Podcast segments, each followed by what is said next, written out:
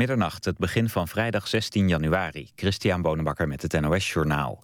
De tweede inval in de Belgische plaats Verviers heeft niets opgeleverd. Zwaar bewapende agenten gingen een huis binnen... in de buurt van het huis waar eerder twee terreurverdachten werden doodgeschoten. In totaal waren er op ongeveer tien plaatsen invallen. Niet alleen in Verviers, maar ook in de regio Brussel. De antiterreuractie heeft te maken met plannen van jihadisten... om aanslagen te plegen op politiebureaus en gerechtsgebouwen. De Vlaamse zender VTM meldde dat er even na 11 uur opnieuw schoten of explosies te horen waren in Verviers, maar het is onduidelijk wat er aan de hand was. Het dreigingsniveau voor heel België is verhoogd van 2 naar 3, het ene hoogste niveau. Vanwege de terreurdreiging hebben de Joodse scholen in Antwerpen besloten alle lessen voor de komende dag te schrappen. Antwerpen heeft een grote Joodse gemeenschap, er wonen ongeveer 20.000 ultra-orthodoxe Joden. Bondskanselier Merkel wil Duitse bedrijven weer kunnen verplichten om hun telecomgegevens op te slaan. Volgens haar is dat nodig in de strijd tegen terrorisme. In Nederland bestaat zo'n bewaarplicht wel, maar in Duitsland werd die in 2010 afgeschaft, omdat het verzamelen van telefoon- en internetgegevens ongrondwettig was. Na de terreuraanslagen in Parijs wordt in Duitsland gediscussieerd over herinvoering. Merkel is dus voor, coalitiepartner SPD is verdeeld. De SPD-minister van Justitie zegt dat Frankrijk wel een bewaarplicht kent... maar dat hij de aanslagen in Parijs niet heeft kunnen voorkomen. De voorverkoop van kaarten voor het Internationaal Filmfestival Rotterdam is de afgelopen avond in het water gevallen. De verkoop via internet zou om 8 uur beginnen. Veel filmliefhebbers zaten stipt op tijd klaar, omdat sommige populaire films al binnen 10 minuten uitverkocht zijn.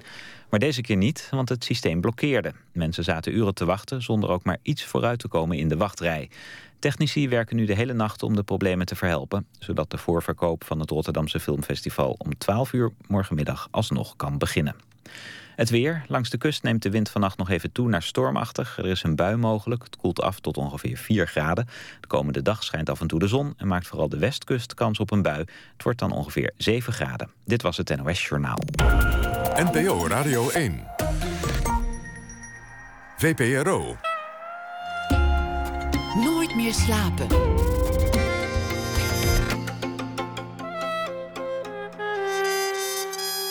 Met Pieter van der Wielen. Goedenacht en welkom bij Nooit meer slapen. De Oscar-nominaties zijn uh, vandaag bekendgemaakt. We nemen ze door na één uur. En dan hoort u ook de uitzinnige vreugdekreet van de Nederlandse genomineerden Job, Joris en Marieke. Zij werden genomineerd voor een korte film. Een gesprek met eh, Duncan Stutterheim, die begon als jonge liefhebber die zelf dansfeestjes organiseerde, wat weer uitgroeide tot enorme mega-evenementen zoals Mysteryland. En vorig jaar verkocht hij de boel voor 100 miljoen. Hij geeft een uh, lezing in Groningen en dus konden wij hem uh, spreken. Maar we beginnen met Salatin Kermissius, Hollandse Luchten deel 2. Pandgenoten is zijn nieuwe voorstelling samen met zijn eh, vrouw, de Vlaamse theatermaker Saar van den Bergen en met acteur en muzikant Casper Schellinghout. De voorstelling gaat over het eh, thema wonen en alle problemen die daarbij komen kijken voor individuen, maar ook uh, hoe het beleid op vele vlakken is vastgelopen. Sadatien werd geboren in 1982 in Zutphen. Zijn vader was wat je nu zou noemen een gastarbeider. Zijn moeder zou je dan noemen een importbruid. Via de acteursopleiding werd hij theatermaker. Hij uh, maakte al verschillende goed ontvangen en goed bezochte voorstellingen over uh, zijn familie, over Hans Janmaat en over de Armeense genocide. En hij werkte ook nog uh, als acteur. Welkom, uh. Dank je. Hallo. Hoe zou je jezelf eigenlijk uh, introduceren? Want nu doe ik het voor je, dan, dan uh, maak ik zo'n cv'tje. Maar als je zelf je, je, zou moeten presenteren, wat zou je dan zeggen? Uh, Zutphens Turkse acteur en theatermaker. Ja, ja? ja dat gaat Kort. vrij, gaat Kort vrij en bondig, denk ik. Ja. En, ik kan en wel als je... meer over mezelf vertellen hoor. Maar, ja, ga je gang. Als, maar om mezelf te introduceren zou ik het daarbij laten voorlopig. En dan tijdens het gesprek. Dan, dan komen mensen er wel achter Ja. uh, hoe, hoe het werkelijk Ja, zit. laten we het zo doen. En laten we het dan ook straks uh, hebben over, uh, over je leven en achtergrond. Maar gewoon beginnen met waar zo'n voorstelling begint. Want het zijn vaak, of, of, delen van je voorstelling. Het begint vaak met een, een, een gebeurtenis. Ja. Bijvoorbeeld iemand die scheldt jou uit via, via het internet, via Twitter. En die zegt, hoop dat je sterft op je verjaardag of zoiets. Ga, maar dood op je verjaardag. Ga maar dood op je ja, verjaardag. Dat is en dan... Haags, hè? Dan ga je binnen een jaar dood. Dus...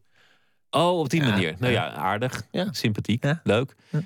Denk je dan meteen, oh, dit wordt iets in mijn nieuwe voorstelling? Nee, nee, nee, nee. nee je hebt het nu over uh, uh, Jeremia, heb je het? De Ja, voorstelling klopt. waarin het uh, leven van Hans Janmaat te sprake kwam. Die voorstelling zou over vrijheid van meningsuiting gaan. Dat ging die nog steeds. En ik wilde dat ehm, met Marjolein van Heemstra maken. En toen kwamen we uh, uiteindelijk, nou, via allerlei omwegen die ik nu uh, even achterwege laat, kwamen we uit bij zijn weduwe, Wil Schuurman, die nog leeft.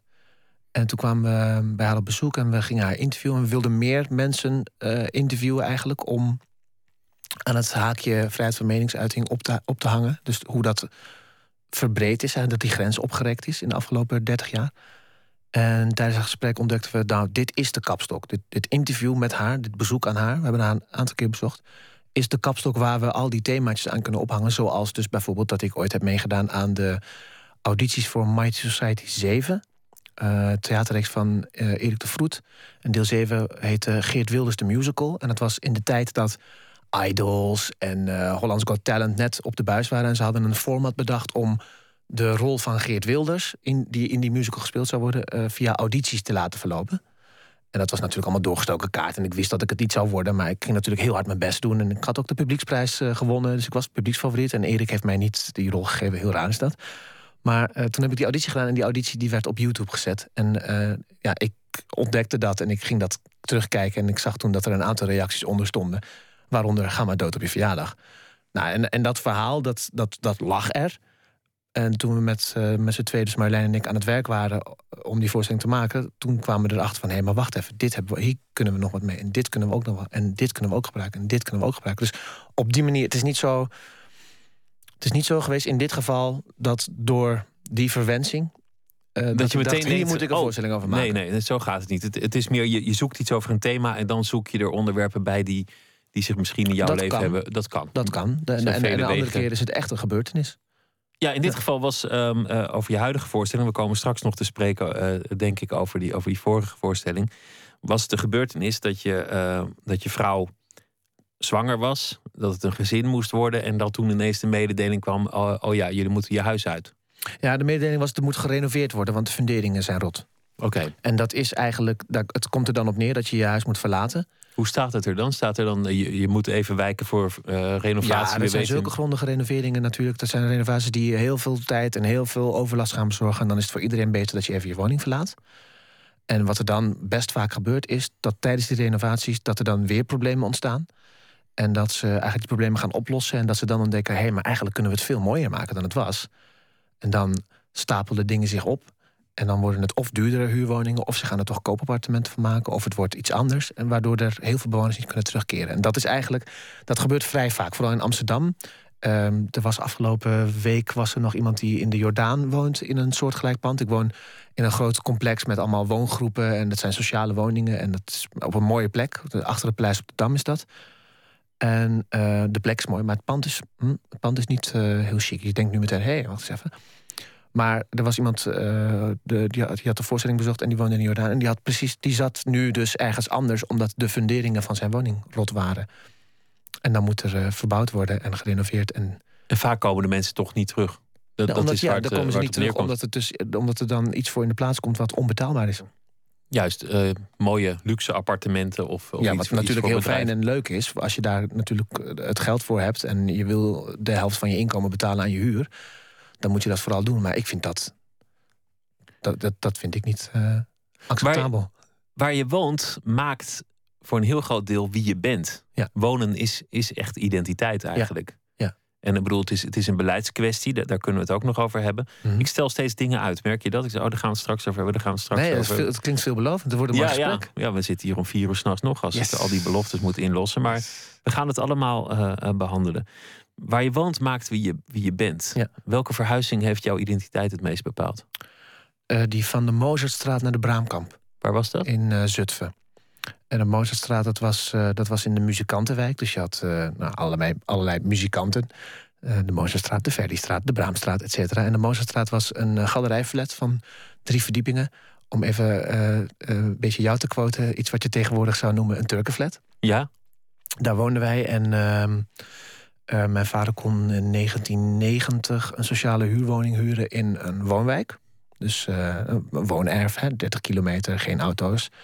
Uh, mooie straten, brede straten, voetballen voor de deur. Blanke buren, Nederlandse buren. Um, met een basisschool die dichterbij was dan de zwarte school waar wij op dat moment zaten. En dan zeggen de ouders na een half jaar heen en weer fietsen met drie kinderen. En oef, toch, wel, toch wel gedoe. En we komen elke dag langs dit schooltje. Misschien moeten we gaan informeren of de kinderen niet hierheen kunnen. En dat was een uh, Rooms-Katholieke basisschool. Met nou, ook Nederlandse jongens en meisjes. En ehm, dus dat heeft wel absoluut behoorlijk invloed gehad op wie ik ben en uh, waar ik ben. Want je ouders waren allebei volledig Turks. Ja. Uh, geboren en, en, getogen en hierheen gekomen. Jij bent geboren en getogen Nederlander, maar nu kwam je echt in een, in een Nederlandse omgeving terecht. Sterker ja. nog, zelfs katholiek. Ja. Dat, dat is, dat is dus, nog een drie apart keer per slag. dag bidden, echt gewoon Echt volle waar? bak. Ja, ja ik, ik, wij deden niet mee, hè. Dat, dat hoefde ook niet. Maar dat was, even kijken, basisschool, basisschool de Achtsprong, dat was 's ochtends het Onze Vader. En dan tussen de middag als je naar huis mocht. Onze Vader. En dan uh, na de middagpauze, als je dan uh, thuis een broodje had gegeten... of je mocht overblijven, dan kwam je, thuis, kwam je terug op school... en dan om half vier, als het afgelopen was, ook weer het Onze Vader. Dus drie keer per dag. Ik vraag me altijd af, wanneer houdt iemand op Turk te zijn? Wanneer houdt iemand op Marokkaan te zijn? Want jij bent net zo goed geboren als hier, als Ja. ik, in, in, in Nederland. Is dit het moment dat jij een beetje ophield Turk te zijn? Uh, nee, dat kwam later, denk ik. Dat kwam uh, op de middelbare school, geloof ik. Dat ik daar echt gewoon helemaal niet mee bezig wilde zijn. En dat ik ook dacht van, oh nee, maar ik wil daar niks mee te maken hebben. Dat heeft ook te maken met waarom ik uh, naar Maastricht ben gegaan, bijvoorbeeld. Naar de toneelacademie daar en niet auditie heb gedaan in Arnhem. Ik was 18, 19, ik wilde zo ver mogelijk weg. Zutphen, klein stadje, een redelijk grote Turkse gemeenschap, veel sociale controle. En ik wilde dat niet, ik wilde daar uh, zo ver mogelijk vandaan. En ehm, toen ik op de toneelacademie zat, toen is dat weer teruggekomen. Het Turk zijn? Ja. Hoe kwam dat? Aan het eind van die, uh, van die vier jaar dat ik daar zat, ja, omdat je toch. Ja, kijk, het is wel een beetje waar wat ze zeggen over de toneelschool. Je bent best veel met jezelf bezig. Dat moet ook, om, Ja. omdat als je moet inleven Ja. in personages, moet Ja. je eerst natuurlijk weten wat ja, jouzelf. en je bent ook je, je interesses aan het ontdekken. Want toen ik op de toneelacademie zat, wilde eigenlijk iedereen acteur worden daar.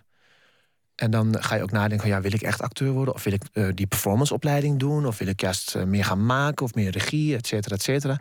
En dan uh, via allerlei uh, stapjes en omwegen kom je erachter van... ja, maar wacht even, wie ben ik nou eigenlijk? Wat ben ik nou eigenlijk? En dan uh, kom je weer terug bij dat... oh, maar wacht, ik hoef niet een Hollander te zijn. Ik hoef ook niet een Turk te zijn. Ik kan gewoon uh, iets anders zijn. Ik kan en-en, dat kan. Je kan gewoon jezelf zijn eigenlijk. Ja. En, en dan ben je gewoon uit Turkse ouders geboren in Zutphen... Ja. Met, met een katholieke school. En, ja, en ik ben tweetalig opgevoed. En ik, uh, uh, dan luister ik Turkse muziek. En dan luister ik popmuziek of jazzmuziek. Of, dus dat zijn allemaal... Ik had ooit een gesprek met een, een Spaanse uitwisselingsstudent. Die kwam uit Sevilla of zo. Dus die kende Andalusië een beetje. En die had nou, op een gegeven moment van... oh, daar staat ook een moskee, een oude moskee. En bla, bla, bla. En toen vroeg hij, en kun jij Arabisch lezen? En ik zo, ja, ja, ja, want ik heb dat dan van huis uit. En dat ik dan als kind Koranversjes moest leren. En dat ik de Koran moest lezen. Zonder dat je echt precies weet wat je nou precies aan het lezen bent. Want dat was nog in de tijd dat er heel weinig vertalingen voorhanden waren. En ik zei, ja, ik kan het lezen. En toen zei hij, but that's great man, that's curriculum. En toen dacht ik, ja, dat is, in ja, dat is gewoon kennis. En ik hoef dat niet als uh, last of uh, bezwaard of... Um, ik moet dus kiezen. Of, nee, maar het kan dus en, en, en. En uh, daarom zeg ik ook Zutphens, Turks, Nederlandse theatermaker, acteur. Zijn er momenten dat het wel moeilijk is? Dat kiezen? Dat het toch moet? Ja, ik, ik, ik voel een beetje waar je heen wil gaan nu. Ja? Of, ja ik Waar wil ik heen je, gaan? Nou, ik denk dat je, dat je een beetje richting de actualiteiten wil. Of heb ik het verkeerd? Of? Nee, daar wilde ik eigenlijk helemaal niet naartoe. Maar, maar goed, nou ja, oké. Nou, nu, ja, nee, kijk, op tafel. momenten, nee, en, eh, nou, maar iets, iets heel triviaals bijvoorbeeld, iets heel simpels. Ehm, ik heb eh, een zoontje van een half jaar. En daar is wel bijvoorbeeld heel bewust geweest van welke naam gaan wij hem geven. En we hebben hem geen Turkse naam gegeven. We hebben, hij heet Adam, heet hij. Maar er is een Turkse versie van die naam, eh, Adem. En dat is bijvoorbeeld een, een, een keuze geweest van... gaan we hem Koen noemen of gaan we hem Hassan noemen? Even om, om zo eh, te zeggen. Mijn vrouw is Belgisch, nou, Belgische schoonfamilie. En andersom, eh, ik heb een Turkse familie... dus we willen een naam kiezen die zo universeel mogelijk is. Nou, dan ga je daar dus over dat soort dingen nadenken. Ik ben ook getrouwd. Dan ga ik nadenken over een bruiloft. Komt er een geestelijk op de bruiloft? Nou, van mij hoeft dat niet. Ja, en van mijn vrouw ook niet. En hoe gaan we de bruiloft dan eh, inrichten? Wordt het een, eh, een Belgische bruiloft? Wordt het een Turkse bruiloft? Ja, we gaan trouwen in Amsterdam. Moet dat niet gewoon een Hollandse bruiloft worden? Nou, misschien moet het nou, wat ik net dus ook zei, en, en, en, en, en. Maar ik denk niet dat dat uh, een probleem moet zijn. Je nee, dat, lijkt, dat, lijkt me nog niet een, dat lijkt me nog niet een worsteling. Dan doe je gewoon een katholieke bruiloft met, met Turkse hapjes... of een Turkse bruiloft met... Ja, uh, dat met, zeg je wel heel makkelijk. Maar zo ik zeg het heel makkelijk. Ja, ja, Dat, is echt, dat is echt ingewikkelder dan je denkt. Je hebt een column geschreven over de besnijdenis van je, van je zoon. Dat was een discussie uh, in, in Heb die ik column. daar iets over geschreven? Ja, het was een discussie tussen jou en je vrouw. Jij zei van nou, laten we, laten we toch oh, maar ja, voor gewoon, de next heb ik daarover geschreven, ja. dat toch maar besnijden. En je vrouw zei ja, ik, ik heb dat eigenlijk liever niet. Ja, klopt. Dat lijkt me wel een dilemma. Ja, maar daar zijn we nog niet aan toe. Dat, is, is- nog niet aan de hand. Dat is nog niet aan de hand. Nee, we hebben het daarover gehad en we weten dat dat op een gegeven moment weer gaat spelen. Maar op dit moment zijn we daar niet mee bezig. En wat er waarschijnlijk gaat gebeuren, is dat hij zelf bepaalt of dat gaat gebeuren. Kijk, ehm, uiteindelijk waar het op neerkomt is. Het hoeft niet zo jong bedoel je. Hij kan Nee. ook op een uh, wilsbekwame leeftijd dat kiezen. Absoluut. Als hij dat wil, ja. En ik zou dat niet. ehm, ik, zou hem, eh, ik zou hem dat niet afraden, dan moet ik ook eerlijk zijn. Ik zou niet zeggen van nee, dat moet je niet doen, want eh, papa heeft er heel veel spijt van. Dat is namelijk niet zo. Nee, waarom zou je? Ik bedoel, eh, ja, in, in, in veel landen gebeurt het ook uit hygiënische motieven. Dus, dus ja, ja, goed.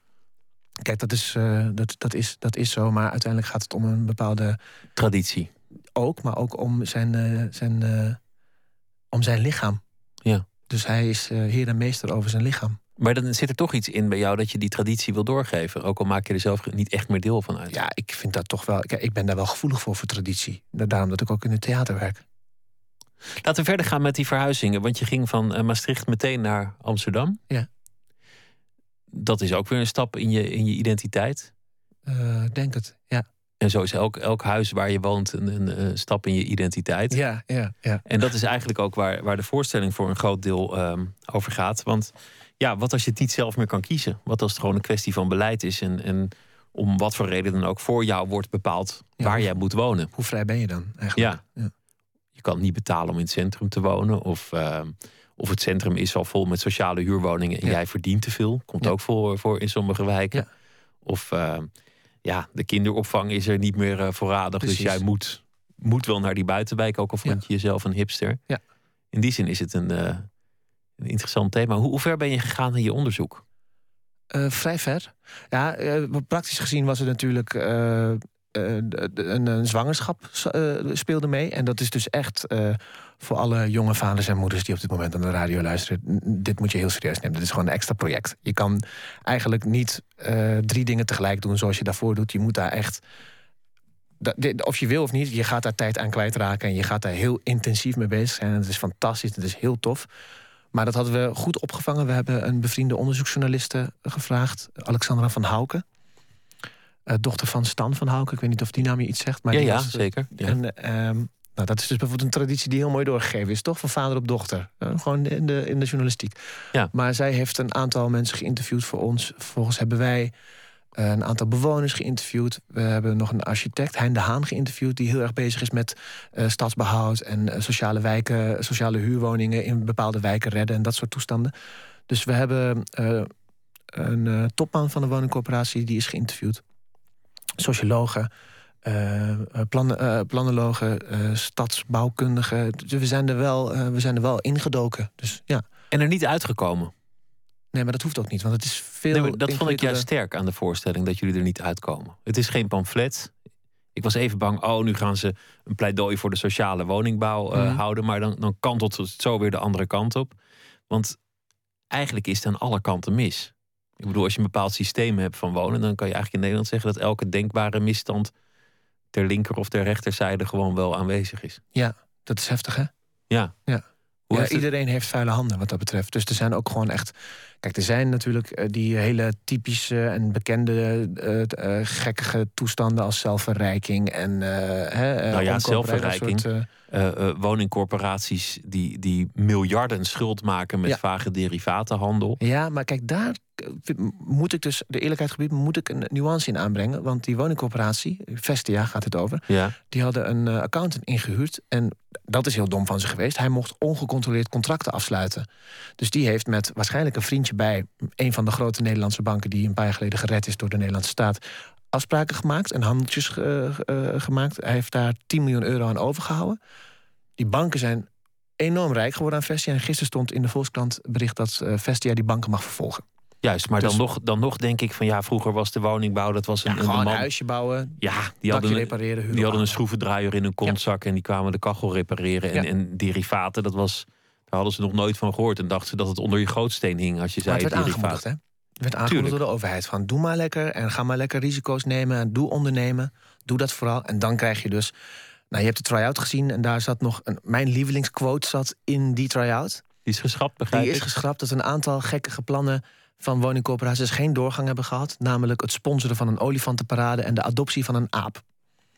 Dit was een echt plan. Dit wilden, dus, dit wilden ze doen. Dit, ze wilden dus een olifantenparade sponsoren. En ze wilden een aap adopteren. En dat allemaal vanuit de gedachte van wij zijn er niet alleen van, van, voor de woningen, maar ook voor de buurt. Want Juist. met de buurt verbeter je Precies. de woning. En dus koop je ook een oud cruiseschip dat eh, Ja. een paar honderd miljoen gaat kosten. 227 miljoen euro. Ja. De andere kant, ehm, hè, want de, de privatisering van de woningmarkt en, en de commercialisering van, van de woningbouwvereniging is één kant. Een ander geestig iets, dat zijn natuurlijk de oud-krakers die voor een prikje hun krakerswoning mochten kopen. Ja. En die huisjesmelker wer- werden. Ja. Grote principes gehad en, en uiteindelijk wonen ze in Zuid-Spanje. Ja. Ik ken een paar van die exemplaren persoonlijk. Ik, ik ken ze ook, ja. En die, die, die leven van hun eh, linkse idealen in de jaren tachtig. Ja.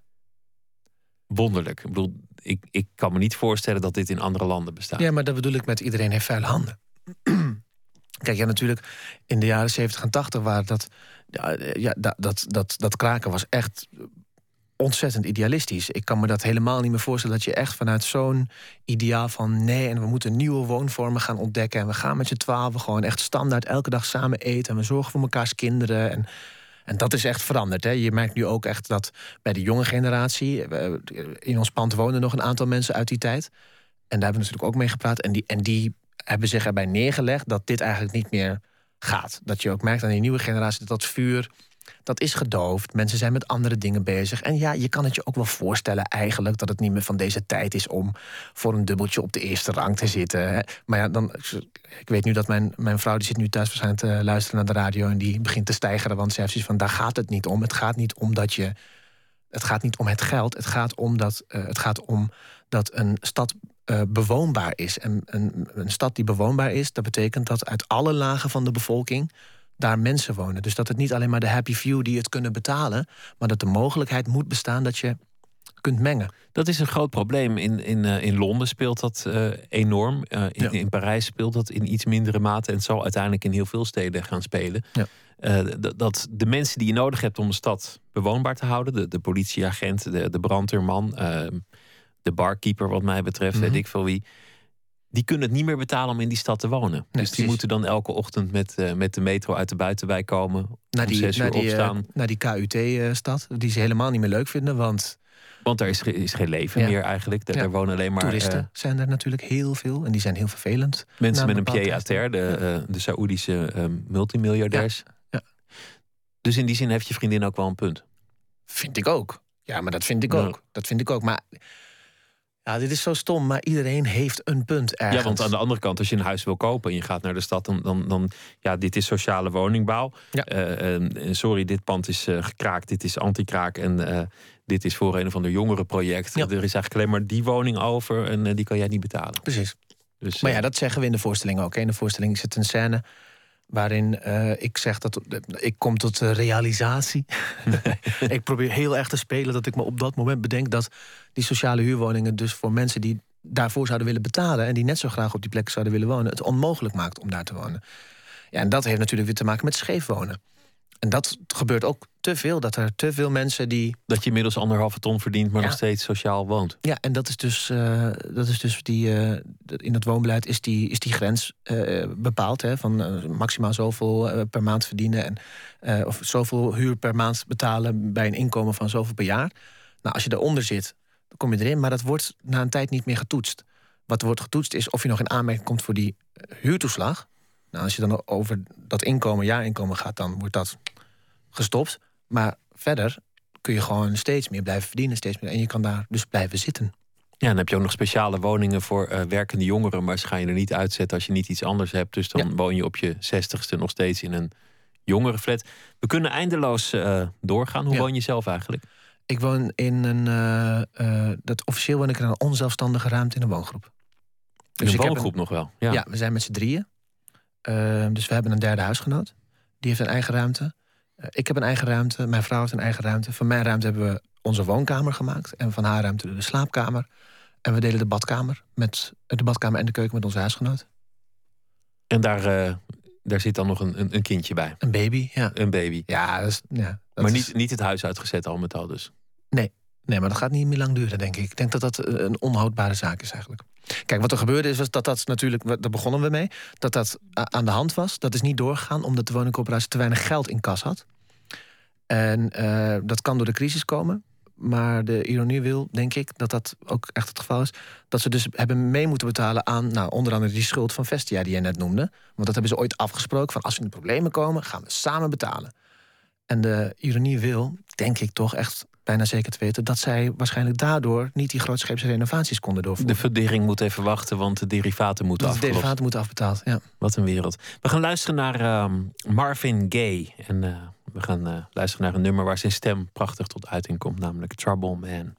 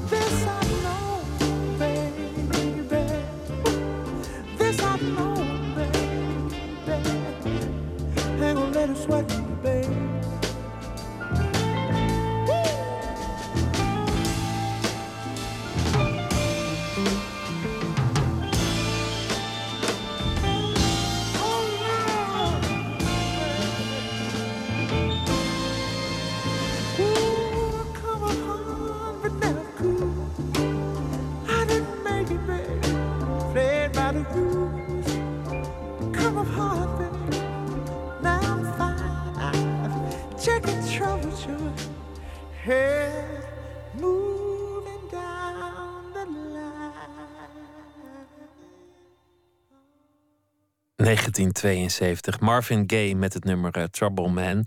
Salatin Kermessius. Je hebt jouw uh, productiemaatschappij vernoemd naar dit, uh, dit nummer, Trouble ja. Man. Ja. Waarom eigenlijk? Um, oeh, lang verhaal. Uh, Trouble Man. Ik vond het stoer klinken. Ik was de, deze plaat aan het luisteren toen ik de aanvraag aan het schrijven was voor de tweejarige subsidie. Um, de voorstelling die ik over mijn broer heb gemaakt in de vorige reeks, die uiteindelijk What's Happening Brother, naar een ander nummer van Marvin Gaye, is vernoemd. Die heette eerst Trouble Man. En toen dacht ik, ja, ik vind het een veel leukere naam voor die, uh, voor die stichting, want die had nog geen naam. En ik vind het. Als je het. Uh, er staat ook uh, troebele maan. Hè, als je het op zijn, op zijn Frans-Nederlands leest. En ik dacht, oh ja, nou, getroubleerd zijn, misschien troebels. onderwerpkeuze die ik had voor die eerste reeks over familie, migratie, afkomst, identiteit.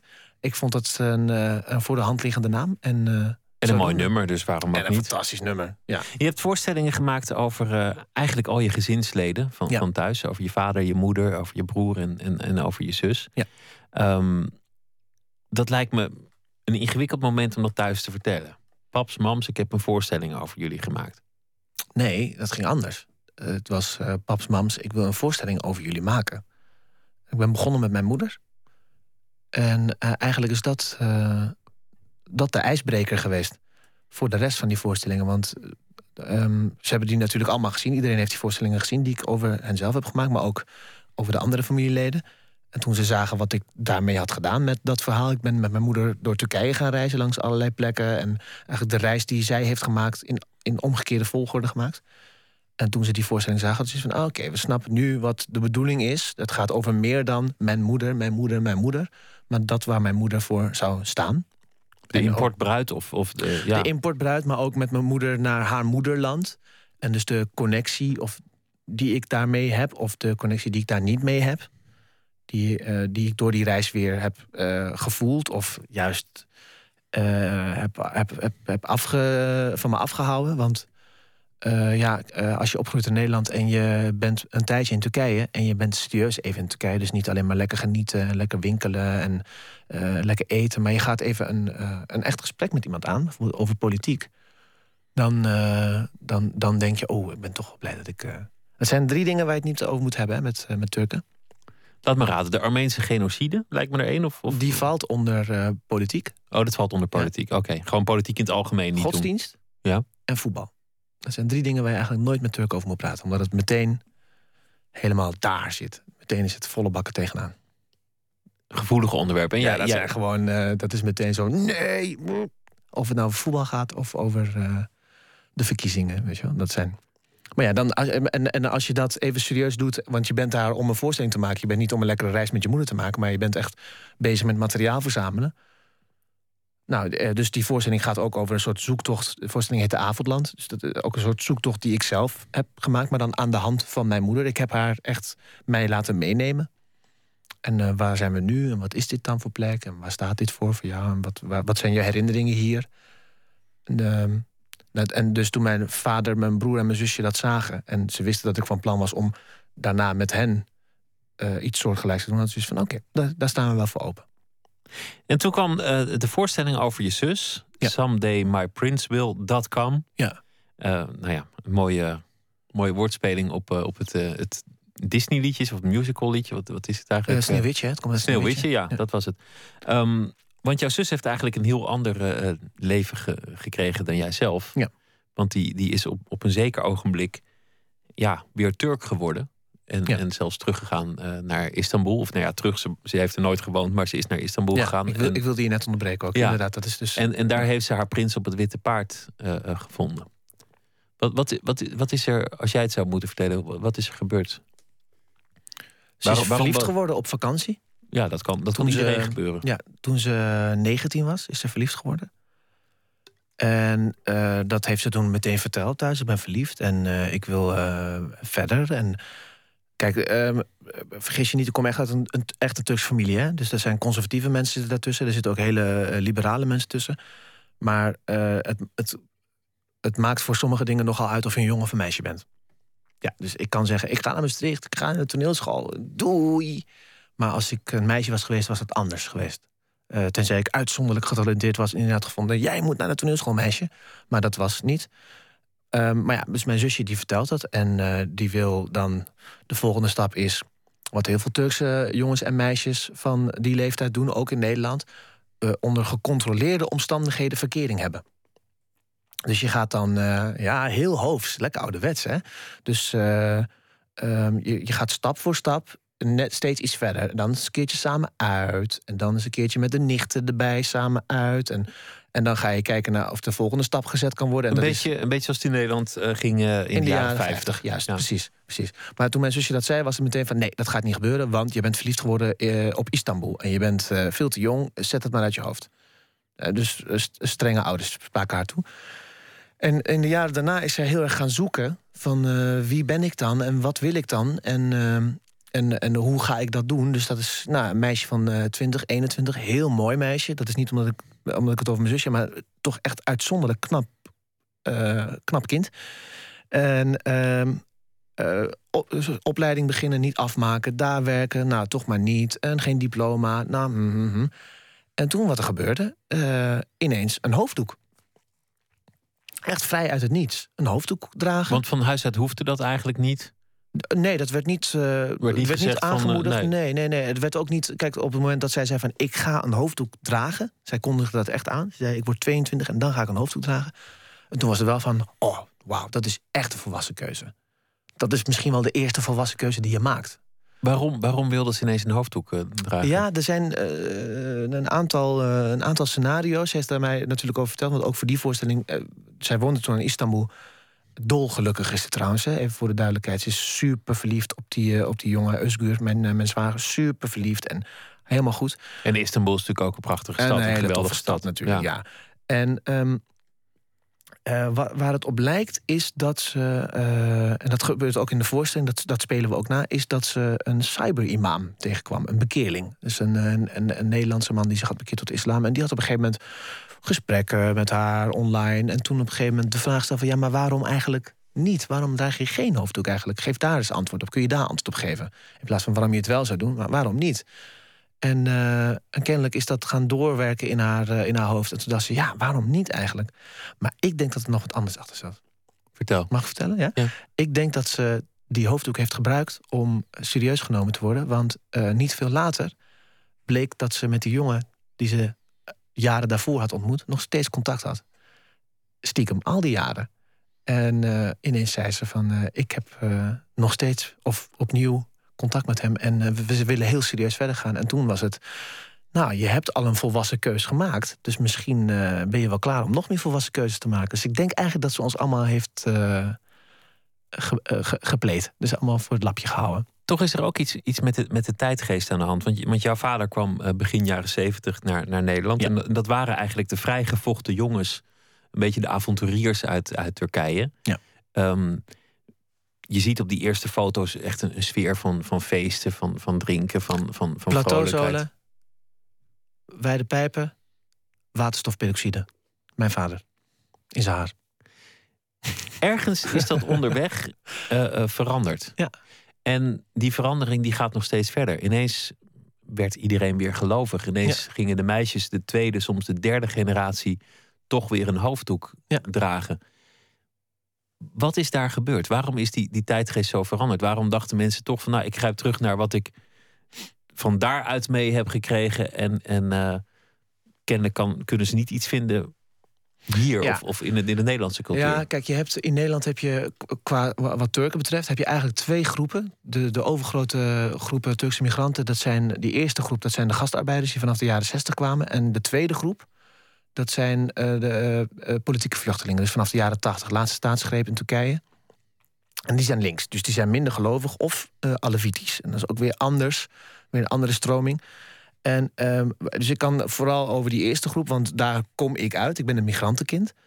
En die zijn eigenlijk in een soort tijdscapsule uh, afgereisd. En omdat ze altijd een hele strenge en een sterke band met het, uh, met het moederland hebben gehouden. Dus je hebt natuurlijk al die clubjes. Dus de, de Dianet en Miligurus. En die hebben natuurlijk allemaal verenigingen. Dus dat, dat blijft zo.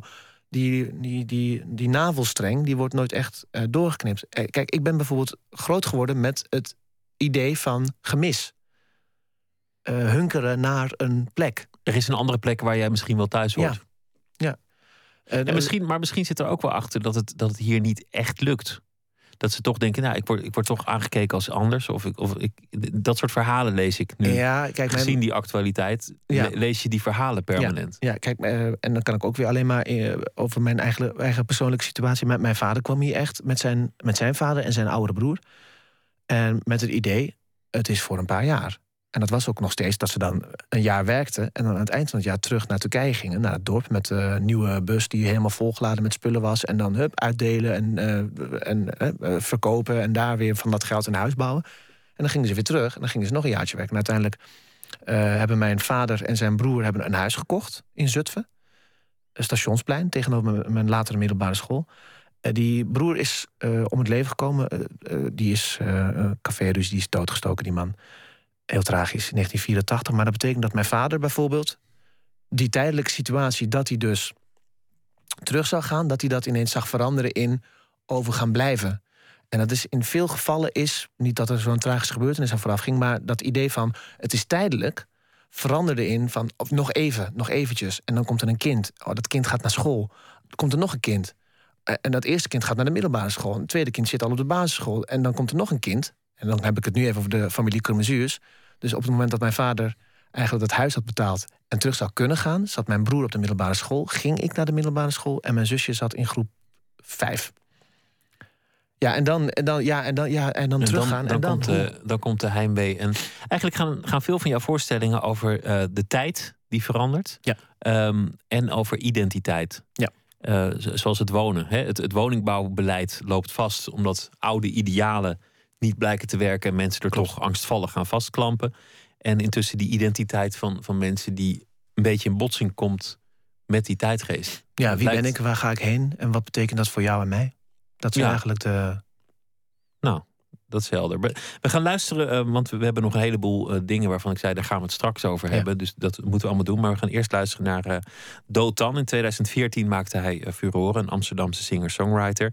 De song van het jaar werd hij gekozen door VPRO 3 voor 12.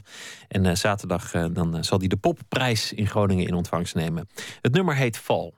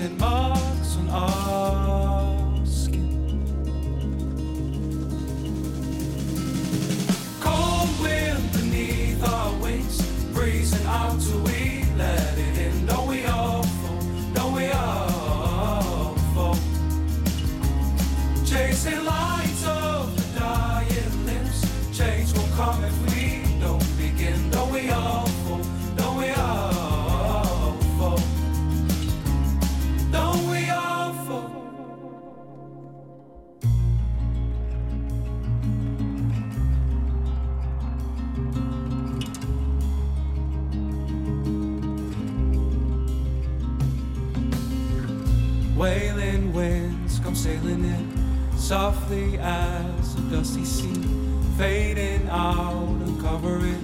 Whoa, oh, oh, oh, giving warmth, the blazing light, the Arctic sun on the night, falling stars out of the sky.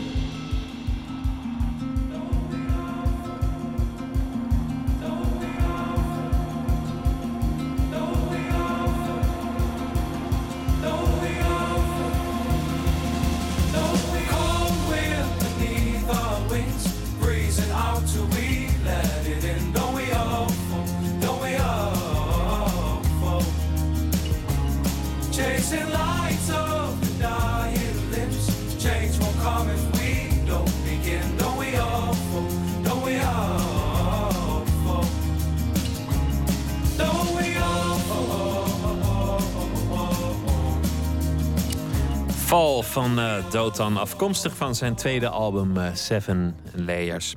Nooit meer slapen in uh, gesprek met Salatin Kemissius. we hadden het net over dat al jouw voorstellingen gaan over het veranderen van de tijd. Het veranderen van de tijdgeest en, en over het individu.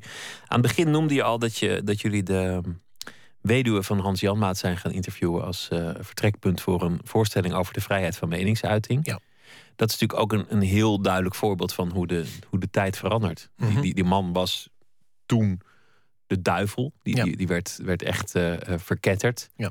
En volgens mij, als je nu naar het politieke debat luistert en, en daarnaast zit wat die man in de tijd zei, dan, dan is het allemaal zo exotisch niet meer. Gek hè? Ja. ja. Ik heb een, eh, een, een fragmentje. Het, het, is onlangs al herhaald uh, in het VPRO-programma Woord. Het is een ontzettend oud fragment. En, en uh, het is de VPRO-radio die een poging doet tot interview. Het hele interview is te luisteren via uh, word.nl. Het, het, zal een aantal mensen uh, buitengewoon irriteren. Ik moet zeggen dat ik het voor het eerst hoorde en, en, en het irriteerde. Maar je moet het in zijn tijd zien, zeg ik er dan maar meteen bij. Meneer Janmaat, een stukje proza wil ik u even voorlezen. Ja, dat is goed. Mag ik gelijk reageren? Nee, ik wil u een stukje proza voorlezen. Ja, Alle Turken met zwart haar, een Turkse naam en een knoflook lucht... dienen onze schone stad voor 1 augustus te verlaten. Zo niet, dan neemt de staat jullie eigendom in beslag. Jullie kinderen worden doodgeschoten. Jullie vrouwen worden verkracht. En de mannen zullen worden opgehangen. Wat vindt u daarvan? Onzin. Kent u het? Nee, ja, u leest het nu voor. Dit is verspreid een paar maanden geleden in Arnhem. En de politie in Arnhem heeft daar een onderzoek, is bezig met een onderzoek naar dit fascistische pamflet. Dit is fascistisch, wat ik net heb voorgelezen. Nou, laat ik Dit beginnen. is fascistisch, nou, is mijn conclusie. U, u geeft daar geen antwoord nee. op. Ik wil u even vertellen waar die tekst vandaan maar, komt. waar ging het om? Gaat dit, het om dit is mijn verspreid. reactie daarop? Die wilt u niet eens hebben. U, u, ik vraag u, kent u dit? U kent het niet? Ik zeg, dit is verspreid een paar maanden geleden in Arnhem. De Arnhemse politie heeft een onderzoek ingesteld. En wat is gebleken? Dit pamflet is verspreid door leden van de Centrumpartij. Nou, dat is mij niet bekend. Dat is een tekst waar ik niet achter sta. U begint gelijk met de kreet fascisme. Ik wil toch eerst eens reageren op uh, de grote politieke partijen. Aan hen is nee, het ik heb u, te wijten... Zo gaan wij niet discussiëren ja, tot maar... half elf. Ik heb u een ja, vraag gesteld. Ho, ho. U bent hier gekomen om geïnterviewd te worden... en om antwoord te geven op vragen. Nou, daar ben ik mee bezig. Dus kijk, die grote partijen die niet willen komen... die zouden in de frontale aanval gaan. Maar om frontaal in de aanval te gaan heb je wapens nodig. Die hebben ze niet. Vandaar dat hier niet de heer Van den Berg en de heer Kamming gaan zitten... met hun vreselijk grote mond, waar totaal geen inhoud in zit. Maar twee journalisten. Nou vind ik het best, want wij zijn democratischer dan en die partijvoorzitters die hier niet op durven draven... en meneer Van Wezel, net... die alles wat hem niet bevalt maar wil verbieden. Dat is ook al een ik heb, ik heb u net een vraag gesteld over deze tekst... en ik wil daar een ja. reactie op. Nou, dan zegt u, wat is fascisme? Nee, Ja, ik denk dat constateer een- dat, hier fascistische taal is verspreid... door leden van de Centrumpartij. Dat zou u toch moeten weten? Nee, laat ik zeggen, als dat zou gebeuren... dan zouden wij die leden ter verantwoording roepen. En als dat door hen gebeurt, zouden wij maatregelen, disciplinaire maatregelen... in onze organisatie nemen tegen dat soort mensen. Die zijn hier niet Wij tegengenomen? zijn... Tegen het is deze mij- mensen? Het is mij niet bekend. Nou, dit gaat uh, 20 minuten zo door. Het, ik laat het niet horen om, om nog eens um, een, een, mislukt interview is een mislukt interview. Dat kan gebeuren. Het heet een Janmaatje, hè? Een, een, een Janmaatje. Dat, dat, heeft zo, uh, dat heeft die naam gekregen. Op die manier iemand interviewen, niet laten uitspreken. Dat heeft, dat heeft een tijdje een Janmaatje gegeven. En bang, bang zijn om aan de verkeerde kant te staan door, door iemands mening te horen. Hm. Die mensen willen laten horen in die tijd dat zij wel bij de bij de goeien uh, horen. Hmm. De, de reden dat ik het laat horen, want, want dit is ontzettend lang geleden. En volgens mij hebben die journalisten later ook wel gezegd van ja, ja, je moet het niet. Dat was, was inderdaad niet zo sterk.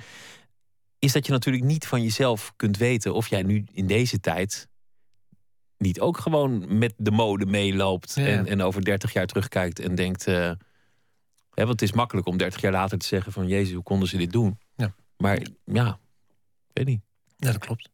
Ik vind het wel interessant. Jullie, jullie zijn uh, teruggegaan en, en, die, en die weduwe uh, opgezocht. Ja.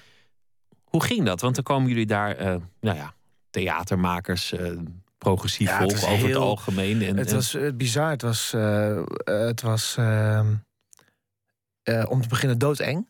Want kijk, ik heb Hans-Jan Maat meegemaakt toen hij in de jaren negentig in de Kamer kwam. Dus een tweede termijn. En uh, uh, bij ons op school was Janmaat een scheldwoord. Dus als je voor Janmaat werd uitgemaakt of een CD'er, oh, dan, uh, dan was het echt aan. Hè? Dan was het van, hoe noemde je mij? Dat. En zij leefde nog en wij gingen daar naartoe. En ik had, ik had zoiets van, ja, maar weet zij dat ik kom? Weet zij dat zij een Turk over de vloer krijgt? Want wij dachten, dat is een, echt de weduwe Ros van Tonningen en ze gaat ons wegsturen. En Marjolein had uh, heel slim, want die heeft ervaring met mensen thuis in Marjolein van Heemstra, Marjolein met, van wie Heemstra. met wie je samenwerkt. Ja. En uh, die had zoiets van, nee, we kopen oliebollen en een bos bloemen. En dan is ze daarmee bezig. En voor je het weet zitten we daar al binnen en dan zijn we aan het interviewen. Maar uh, het ging anders. Ik had mij verscholen achter die... Ik had echt zo'n gigantische bos bloemen. De deur ging open in een Haagse, Haagse wijk. En uh, nou, ze zit dus in een rolstoel omdat zijn been verloren is. Door een, door een aanslag? Of, uh, ja, een aanslag, een, een uit de hand gelopen actie. Uh, mm, mm, dat, een rookbom, er ontstond brand en zij moest uit het raam springen. Ja, en dat, heeft ze een stuk glas in de lies gekregen en dat been is afgezet. Um, de deur ging open. Ze zat er in een rolstoel. Ze, ze, ze zei hallo, ze gaf een hand aan Marjolein. En toen gaf ze mijn hand, toen zei ze selam. En ja, toen was meteen zo, hij, wat? Nee, Nee, wacht even, je moet... Oké. Nou, en ze was buitengewoon vriendelijk. En, en ze heeft ons gewoon te woord gestaan. En we hebben uitgelegd wat de bedoeling was. Van, we gaan een voorstelling maken. En toen zei ze meteen, oh, wordt het satire? Want dat is natuurlijk wat zij gewend is tot nu toe of zo. Maar dat was een, uh, een, uh, een lang, lang interview. We zijn twee uur bij geweest. En daarna nog een aantal keer om ook haar, haar voor te bereiden van... zeg, jouw rol gaat toch wel veel groter worden dan we hadden gedacht. Want eigenlijk door dat vorige bezoek... dachten we, misschien moeten we dat bezoek anseneren. Dus we hebben de rode lijn in Jeremia is dat bezoek aan haar. En af en toe maken we uitstapjes naar andere onderwerpen. Maar we keren altijd terug bij haar in de woonkamer. Waar zij eigenlijk dat hele interview dat we hebben gehad met haar... van hoe het begonnen is tot uh, Kedegem, waar ze de been verloren is. Was ze bitter? Absoluut niet. Nee. Dat is bewonderenswaardig. Want, uh, ja, denk ik dan. Ja. Ik heb wel eens gelezen dat ze, dat ze um, geen enkele reactie kreeg van haar uh, politieke collega's uit de Kamer. Uh, nee, geen bosje bloemen. Niets. Uh, toen ze. Het werd ook maatschappelijk niet zo veroordeeld, hè, die actie. Het was misschien wel goed dat het gebeurde. Peter Langhorst, eh, destijds fractievoorzitter van GroenLinks, die is ook naar de voorstelling komen kijken. En die heeft zoiets van: dat was niet goed. Dat we in de Tweede Kamer uh, niet zeiden van hè, wat is daar gebeurd en wat een belachelijke actie uh, dat daar uh, rookbommen zijn gegooid. Nee, waar de Kamervragen over gesteld zijn, was dat er mensen in voorarrest zaten. Dus dat is de tijd waar, waar ze toen in leefden. Hè. Dus, dus, dat, dus alles wat rechts was, werd meteen. Nou, Nederland was een, stuk linkser, maar alles wat rechts was, was meteen ook gevaarlijk, omdat die oorlog zo dichtbij was. Het was niet zo lang geleden voorbij natuurlijk, die, die Tweede Wereldoorlog. Bij, ja, en, de verwerking was natuurlijk vooral iets van de tweede generatie. Ja, ja.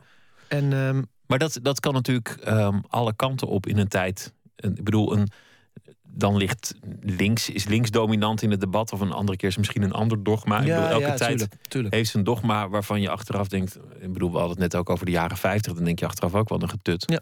En, en dat was in die tijd uh, dan weer zo. Mm -hmm.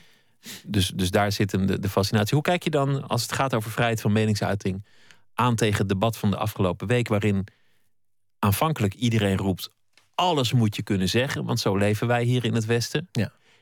En dan even later, in Frankrijk eigenlijk uh, drie dagen later alweer vastloopt en een cabaretier arresteert. Ja. Omdat hij alles denkt te kunnen zeggen en dingen zegt die iedereen schofferen, zo'n beetje. Ja. Een wonderlijke week. Eh, Sowieso. Ja, Ja. sowieso. Maar, maar op dat ene vlak, hoe, eh, hoe zie jij dat? Ik vind dat je alles moet zeggen. Alles moet je kunnen zeggen, vind ik. Ik weet niet of je alles moet pikken. Ik weet niet of je alles hoeft te pikken. Maar dat betekent niet dat je meteen hele extreme maatregelen moet nemen... en een Kalashnikov moet gaan kopen... en daarmee naar een redactievergadering gaan rijden. Want dan ben je gewoon... Ja, dan ben je volkomen idioot. Ja, maar daar is, volkomen schrift. Maar er zijn natuurlijk wegen, het- er zijn natuurlijk manieren om... Als je echt... Je kan naar een rechter stappen dan, denk ik. Als je echt, en, en dan moet een rechter dat toetsen. Of dat te ver gaat of niet. ja, Ja. Nou, dat lijkt me een vrij afgewogen oordeel. Ehm, je brengt altijd engagement naar het theater. Je probeert mensen ook te kietelen. Je probeert mensen andere kanten te laten zien. Je, je, je draait alles stevast eh, de ene kant op en de andere kant op. Eigenlijk gebeurt dat niet meer zoveel. Hè? Theater is steeds meer toch entertainment geworden. Een avondje uit. En het echte geëngageerde theater. Ik zie het wat ik minder ben het dan absoluut vroeger. niet met je eens. Mooi, vertel eens. Nee, er gebeurt genoeg. Er zijn genoeg geëngageerde theatermakers. Het is natuurlijk eh, minder pamfletistisch dan eh, in de jaren 70 en 80. En, eh, maar eh, het, eh, het gebeurt wel hoor. Je hebt natuurlijk heel groot op dit moment zijn de verleiders. Ja, over, over het bankwezen. Ja. Met, met Pierre Bokma Ja, onder en die andere. hebben nu ook net een burgerinitiatief op, opgestart. Waar allemaal economen weer allemaal opmerkingen over hebben. Maar ik heb me daar niet genoeg in verdiept. Maar dat is bijvoorbeeld best groot. Nou, denk ik, ja, oké, nou, dat is er al één. En je hebt natuurlijk makers zoals Marjolein. Dat is echt een. ja, die is, snap je? Die ja, is, dat is zeer geëngageerd. ja. Ja. En eh, dan lopen er nog wel meer rond hoor. Je hebt Wonderbaum, dat is een collectief Rotterdam. En die hebben nu net een trilogie over de wet eh, afgerond, denk ik al. Weet ik trouwens niet of die al klaar is. Maar ze zijn er wel hoor. En ook eh, die jonge generatie die er nu komt, die zijn wel. Kijk, het, het, risico aan die gesubsidieerde podiumkunsten. Hè, als buitenstaander als je naar kijkt, is dat ze gewoon lekker met zichzelf kunnen bezig zijn. Een beetje preken voor eigen parochie en zo. Maar dat gebeurt minder dan je denkt. Er worden voorstellingen gemaakt. Er zijn dit jaar twee voorstellingen over eh, pedofilie eh, verschenen. Die echt heel erg goed waren. Eentje van Albert van Andel. Eentje van Marjolein van Heemstra. Die ook met een eh, misbruikte priester heeft gewerkt. Ook die voorstelling speelt. Dus Er gebeurt het- meer. Ja, En, en belangrijk ook wel om te zeggen dat het, dat het toch ook een, een vrolijke avond is. Dat er dat niet, ik bedoel, als je zegt, schat, we gaan even naar een voorstelling over Precies. het woningbouwprobleem. nee, nee, nee. Dan kijkt ze je ook aan van, goh, Ik hoop, ik, hoop dat, weer- ik, hoop, ik, ik hoop dat ik vanavond ook al een paar mensen aan het lachen heb kunnen maken. Want ik vind de lach. Ik vind dat het middel bij uitstek om dit soort thema's aan te boren. Of het nou gaat over de Armeense genocide. Of over eh, de geschiedenis van Hans Janmaat. Of over een bedevaart naar Mekka. Wat dan ook. Ik vind dat dat allemaal geholpen is door de lach. Eh, eh, de, de Grieken deden het al voor Christus. Die hadden drie tragedies en tenslotte een komedie. Zodat de mensen naar huis gingen en zeiden... Jezus Christus, ik heb me toch een potje gelachen, zeg. Ja, het was heel grappig. Maar erg, hè, van dat meisje dat haar broer niet mocht begra- begraven. Ja, dat is echt heel erg. Dus ik vind dat een natuurlijke manier om tot iets diepers te komen. Want je hebt meteen een connectie. Namelijk, het is... een, een lach verbindt de Absoluut. mensen. Absoluut. Dank dat je eh, te gast eh, wilde zijn, uh, Sadatin Kimisius. Geen En eh, ik noem nog even de titel van, eh, van de voorstelling. Dat is, ehm, nou had ik het hier steeds opgeschreven. Oh ja, Hollandse Luchten, deel 2, Pandgenoten. Ja. Dankjewel. Zometeen gaat eh, Nooit meer slapen verder. Gaan we het onder meer hebben over de Oscars. De nominaties eh, die zijn bekend. En we gaan het hebben over eh dancefeesten en het succes daarvan. En Thomas van Aalten die schrijft een verhaal bij de afgelopen dag... dat hij zometeen gaat voordragen. Twitter, VPRO NMS. En via de mail nooit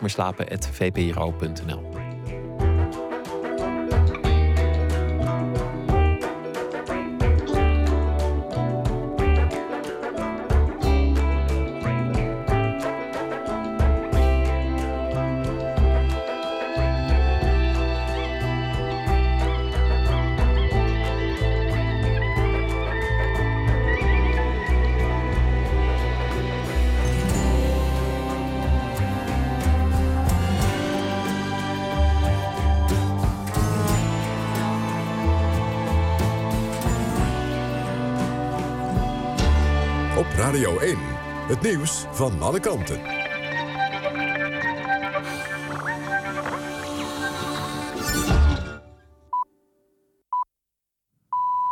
1 uur, Christian Bonenbakker met het NOS Journaal. De tweede inval in de Belgische plaats Verviers heeft niets opgeleverd. Zwaar bewapende agenten gingen een huis binnen... in de buurt van het huis waar eerder twee terreurverdachten werden doodgeschoten. In totaal waren er op ongeveer tien plaatsen invallen. Niet alleen in Verviers, maar ook in de regio Brussel. De antiterreuractie heeft te maken met plannen van jihadisten... om aanslagen te plegen op politiebureaus en gerechtsgebouwen. De Vlaamse zender VTM meldde dat er even na 11 uur opnieuw schoten of explosies te horen waren in Verviers, maar het is onduidelijk wat er aan de hand was. Het dreigingsniveau voor heel België is verhoogd van 2 naar 3, het na hoogste niveau. Vanwege de terreurdreiging hebben de Joodse scholen in Antwerpen en Brussel alle lessen voor de komende dag geschrapt. Met name Antwerpen heeft een grote Joodse gemeenschap. Er wonen ongeveer 20.000 ultra-orthodoxe Joden. Jongeren denken nu positiever over homoseksualiteit dan negen jaar geleden, blijkt uit een rapport van het Sociaal en Cultureel Planbureau. In 2006 had 18% van de jongeren een negatief oordeel, nu is dat nog maar 6%. Dat komt onder meer door voorlichting op school en televisieprogramma's als Boer zoekt vrouw en Uit de kast, die homoseksualiteit bespreekbaar hebben gemaakt. Wel vindt 1 op de drie jongeren het aanstootgevend als mannen elkaar in het openbaar zoenen. De Erasmusprijs is dit jaar toegekend aan Wikipedia. De online encyclopedie krijgt de prijs voor de verspreiding van kennis, allesomvattend en voor iedereen toegankelijk. De jury prijst vooral de vele duizenden vrijwilligers die aan Wikipedia meewerken. De Erasmusprijs wordt jaarlijks toegekend voor bijzondere bijdrages op cultureel, sociaal of wetenschappelijk gebied. Er is een bedrag van 150.000 euro aan verbonden. De Erasmusprijs werd in 1958 in het leven geroepen door prins Bernhard. Het weer. Langs de kust neemt de wind vannacht nog even toe naar stormachtig. Er is een bui mogelijk. Het koelt af tot 4 graden. Overdag schijnt af en toe de zon, maar maakt vooral de westkust ook kans op een bui. En het wordt ongeveer 7 graden. Dit was het NOS Journaal. NPO Radio 1. VPRO. Nooit meer slapen.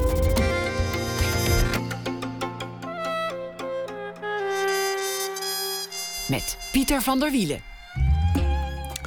U luistert naar Nooit meer slapen. Thomas van Aalten die, uh, zal deze week elke dag een verhaal schrijven over uh, de dag die dan uh, al een poosje voorbij is. Leeuwenstrijd was zijn laatste boek, heel goed ontvangen.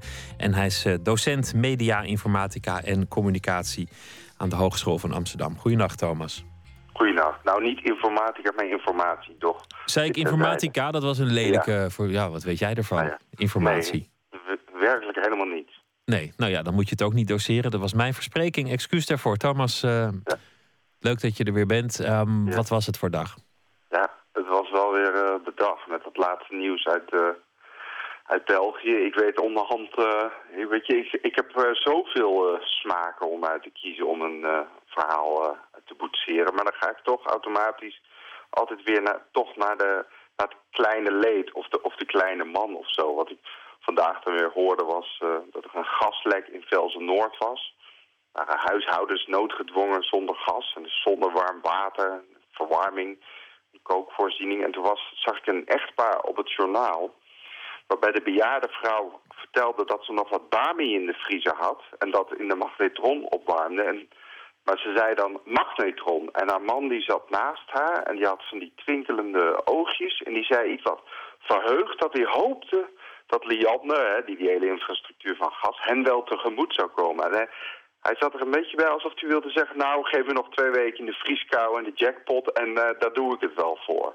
Want hij hoopt op, op genoegdoening, op uh, Precies. geldelijke ja, hij compensatie. Dacht van, nou, dan, dan vreet ik nog wat bami uit de magnetron... en uh, dan wil ik kou leiden, maar als ik daarna maar de hoofdprijs krijg... En, nou ja, dan trek ik de lijn gelijk even door naar het weer, met jouw welnemen. Ja, ga je gang. Het is, het is jouw... De laatste, ja, het is de laatste paar dagen weer dat, dat niks mag kosten, weet je wel. Wisselvallige restjes van de, van de lieve heer. We gooien veel wind door Nederland, want dan lijkt het uh, ergens op. En dan op plens regen, we zijn klaar. Eigenlijk 7 graden, het is eigenlijk de hele dag donker, maar het wordt kouder. En uh, nou ja, we, horen natuurlijk ook veel over storm en regen. En dan denk ik bij onstuimig weer altijd aan uh, mensen op, uh, op zee. Het lot van de schippers. En dan heb ik niet over zwaar nieuws met bootvluchtelingen en zo. Hoewel ik daar natuurlijk ook solidair mee ben. Maar dan denk ik gewoon aan een doodnormale schipper, ouderwets transport ter water. En daar gaat mijn verhaal dan ook uh, ja, over. Vroeger deden ze dat nog op de radio en, en alweer ja. een poosje niet berichten Precies. voor de scheepvaart. Ja, En dat, moet, dat moet gewoon terug. En dan ja. iets met Breskens, ja. En ik begreep er altijd geen ene donder van wat ze nou zeiden, maar ik vond het gewoon toch altijd een zekere. Precies. Nou, en een beetje hè, wat jij precies uh, zegt, hè, want die mensen die herbergen natuurlijk een soort ambacht nog steeds, daar gaat mijn verhaal over. Nou, ga je gang. Spot niet met de schipper. Je hebt mensen in je vriendenkring met normale of ingewikkelde banen. Maar er zijn ook mensen met banen die indruk maken. Ik ken een schipper. Schipper is zo'n beroep dat aan je vast blijft kleven... al word je daarna software engineer of restauranthouder. Iedereen zal je onthouden als de schipper. Dat heeft hij gemeen met een politieagent of een beul. En als je de schipper als vriend hebt...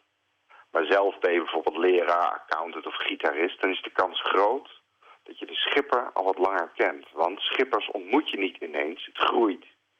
Tenzij je natuurlijk zelf actief bent in de nautische branche. Mijn vriend de schipper zit s'nachts op de brug, kijkt uit over de eindeloze zwarte zee met groene en rode lichtjes. Hij vaart tussen Nederland en Engeland, vervoert vrachtwagens. En als je hem bij thuiskomst vraagt hoe het nou zit met laadvermogen, smokkelwaar, zandbakken, kapers, ontberingen in een storm, eenzijdige maaltijd, het gemis van vrouw en kinderen, dan vertelt hij je altijd weer dingen die jij niet wist. En jij kunt die verhalen dan weer doorvertellen. En al ben je zelf geen schipper, anekdotes van en over een schipper roepen altijd nieuwsgierigheid en ontzag op bij derden. Eens startte ik het lot. We waren 15, 16 jaar oud. Drie vriendinnen, donker aan de oevers van de Grote Bloem, een plas bij de Angerisse dijk. Ik en mijn andere vriend vroegen de schipper, die toen geen schipper was, maar een VWO'er, die was blijven zitten, om een fles sinaas uit de fietstas te halen. Toen hij de fles haalde en aan ons gaf, ik om te treiteren, nou laat maar, we hoeven toch niet. De schipper borg de fles weer op. Of doe toch maar wel, zei ik, toen hij weer bij ons kwam zitten. Toen keek de schipper me aan en richtte daarna zijn blik op het water. Hij wierp de fles sinas met een flinke boog in de donkere plas. Ga maar halen, zei hij. Spot niet met de schipper. Zelfs niet, of misschien juist niet, als niemand weet dat hij de schipper is. De schipper en uh, de romantiek die daar uh, vanaf komt. Ja, ik, ik probeer het even, even terug te, te koppelen naar wat je zei uh, over mensen die dan Bami uit de magnetron moeten halen en daarmee het, het, het nieuws ontsieren.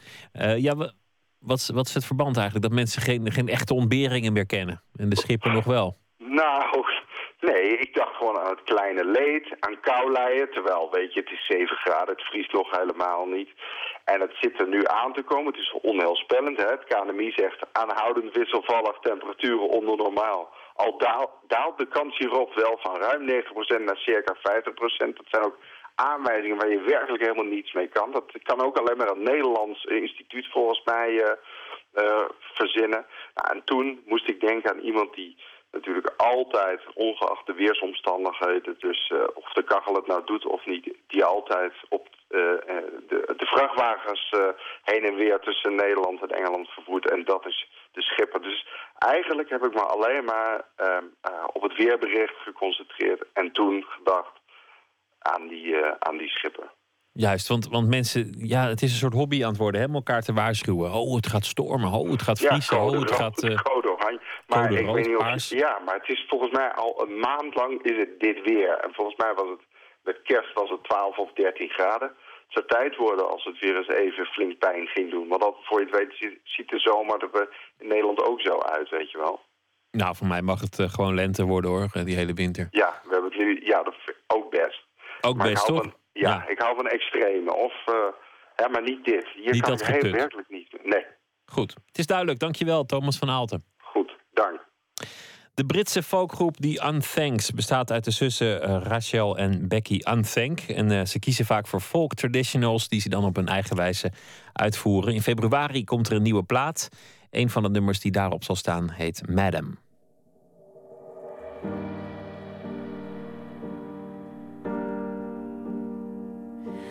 A maiden walking in her garden,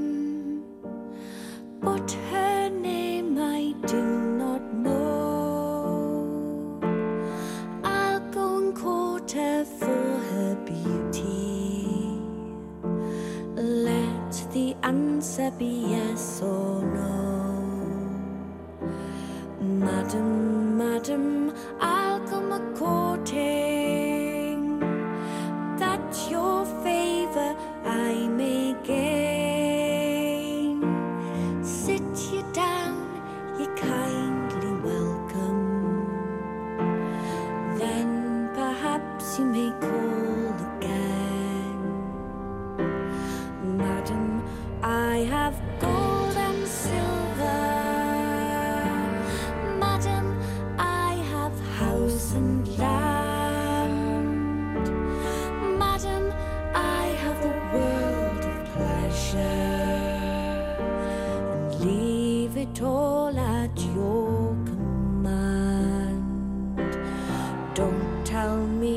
your gold and silver.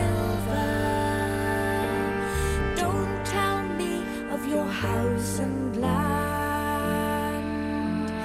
Don't tell me of your world of pleasure. All I want is a handsome man.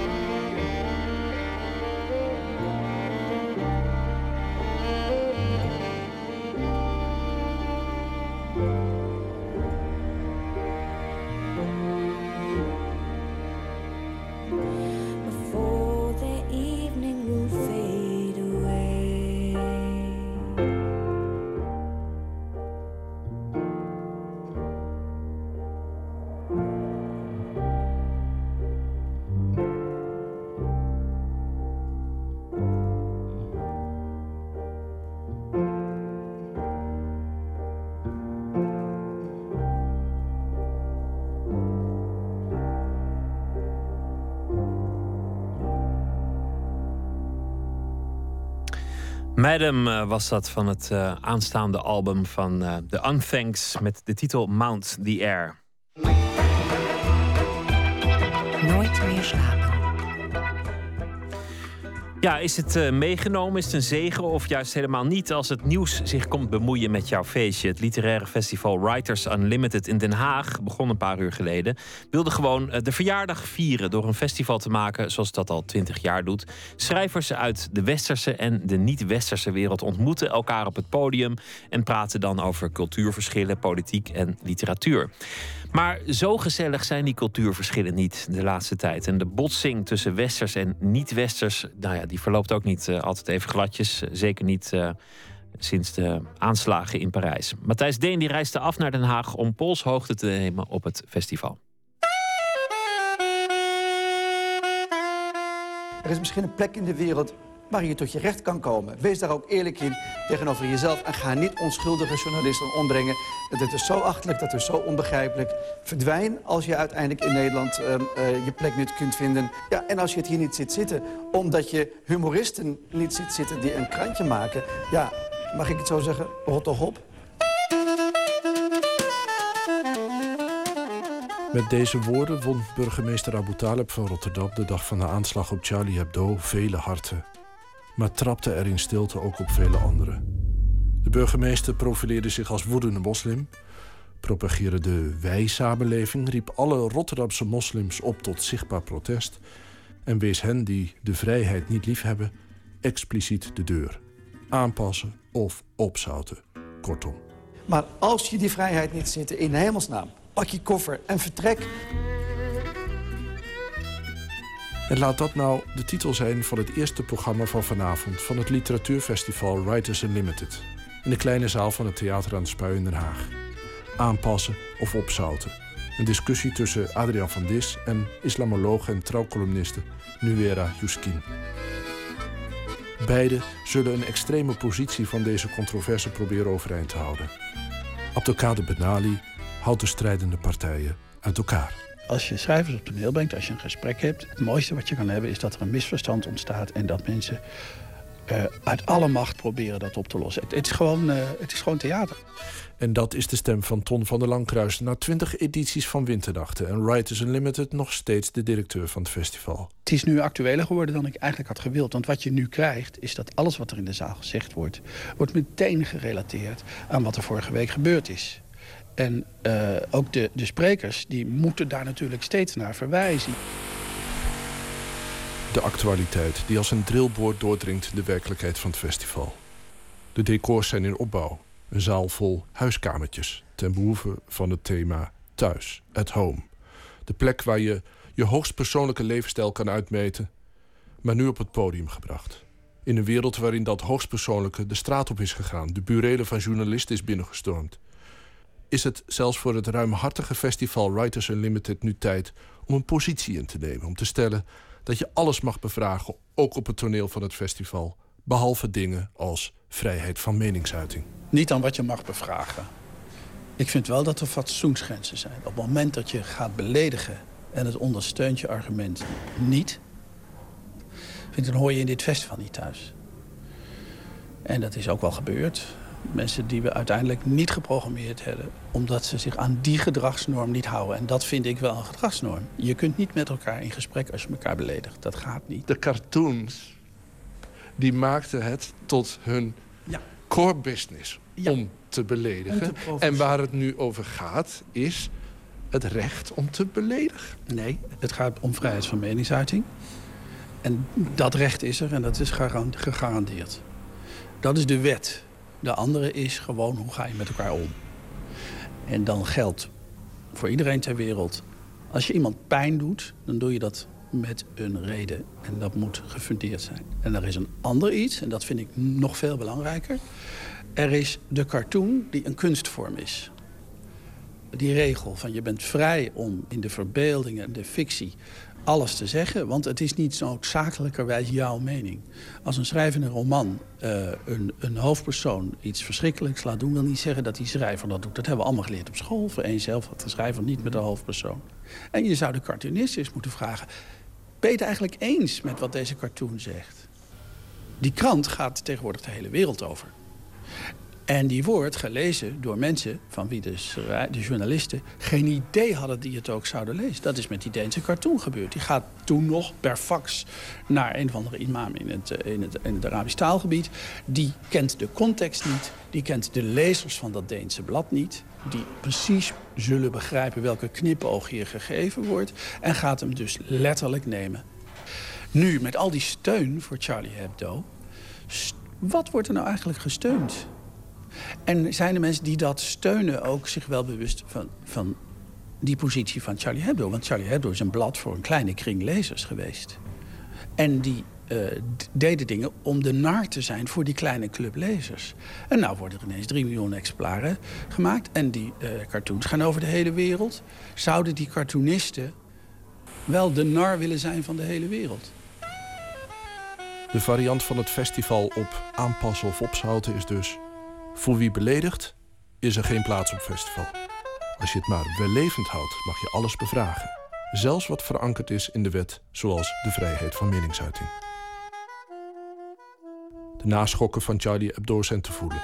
Ook voor schrijfster Hasna Bouatsa, programmamaakster van het festival... en verantwoordelijk voor het programmaonderdeel Aanpassen of Opzouten.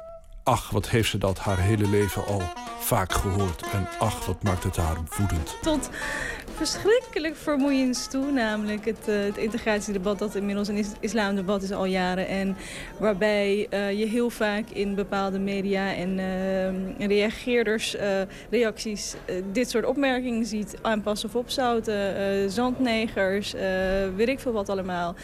Ik vind die plotselinge uh, bewondering die, die grenst aan, het, uh, aan de verering van Abu Talib vind ik nogal hysterisch. Ook, ook omdat het is, oh het is een moslim en hij zegt dit. Het is absurd. Het is helemaal niet bijzonder dat hij moslim is en dan, dat hij dit zegt. Het is, weet je, de meeste mensen denken er zo over.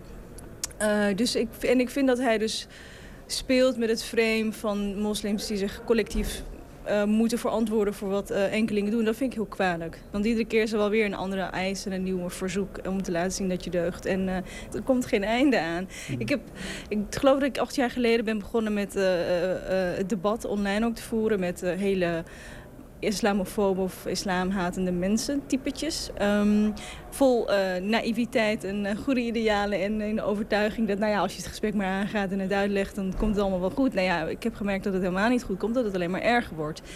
En daarom ook vind ik het zo simplistisch. Van ja, neem afstand en dan komt het allemaal goed. Dat is niet waar, want op het moment dat er massaal afstand wordt genomen komt het volgende verzoek. Ja, waar waren jullie tijdens de demonstratie? Ja, wat is het verzoek morgen? Maar de reden ook waarom ik heftig reageer... is omdat met al die verzoeken neem er afstand van, bla bla bla...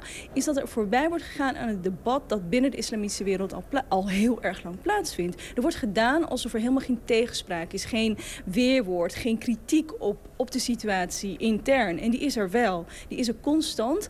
Um, maar die is kennelijk niet interessant genoeg om te belichten. Waardoor je dus steeds maar dat... Um, dat zwart-wit beeld uh, voorbij ziet komen van islamitisch terreurpunt, neem afstand, want. En dit is zoveel gelaagder en ingewikkelder en die strijd is zoveel, uh, zo intens. Ik bedoel, als ik alleen naar mezelf kijk, ik schrijf er heel vaak over. Ik ageer heel vaak tegen extremisme, fundamentalisme, uh, antiliberaal uh, gedachtegoed. De oorsprong daarvan zit hem natuurlijk in de retoriek van de mensen die dit, die dit plegen. Ja. Geef eerlijk toe, toen het gebeurde, beetje het eerste wat ik zei, en ik ga in het Nederlands zeggen, want dus het is niet een Engeltaal, is godverdomme die kutmoslims. Dat is wel wat ik als eerste mm. dacht. Mm. Maar weet je, daarna is het wel, weet je, dat is de eerste primitieve, instinctieve reactie. Want ik vind het afschuwelijk wat er is gebeurd. Maar dan is het volgens mij taak om um, de schifting te maken, om uh, um, heel eerlijk ernaar te kijken, en eerlijke analyses ook te maken. En niet weet je, op die, uh, meegaan in die hele uh, simplistische sfeer van verdachtmakingen, van jezelf profileren ten koste van de ander, want dat vind ik ook kwalijk. En tegelijkertijd, als ik, als ik verwijs op het simplisme van uh, de roep om afstand te nemen, dan, dan, komen mensen zeggen van ja, doe zelf eens wat. Of uh, ja, wat doe je eigenlijk, weet je? En daar ben ik zo klaar mee. Mensen, mensen praten in, in, in, in, Mensen bazelen maar wat. Uiteindelijk is dat het. Mensen, mensen bazelen, ze hebben geen flauw idee... maar daar moet je vervolgens wel tegen, uh, tegen verantwoorden. En dat is vermoeiend. Dat is dodelijk vermoeiend.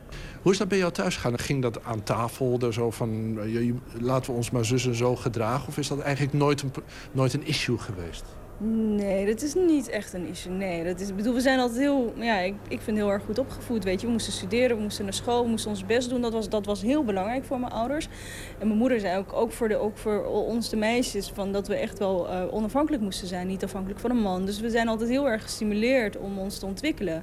Want in een regime van angst is het zo, je moet je binnen, buiten anders gedragen dan binnen. Maar in een regime van zelfbewustzijn mm -hmm. uh, is het zo, je, je gedraagt je overal hetzelfde, je bent overal jezelf. Ja, nee, maar dat was bij ons zo hoor. Er was bij ons geen angst uh, in huis. Nee hoor.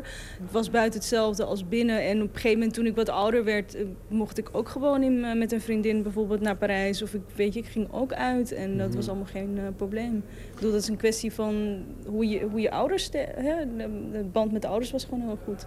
Ik kan me voorstellen dat dat een erfenis is die, die er nu van pas komt. Absoluut. Absoluut, ja, ja, ja. Ik bedoel...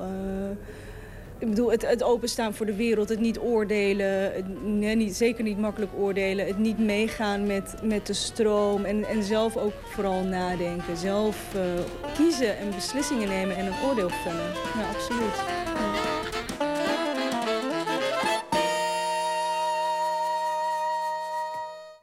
Hasna Bouassa was dat in een bijdrage van Matthijs Deen. Het programma Aanpassen of Opzouten is uh, morgen.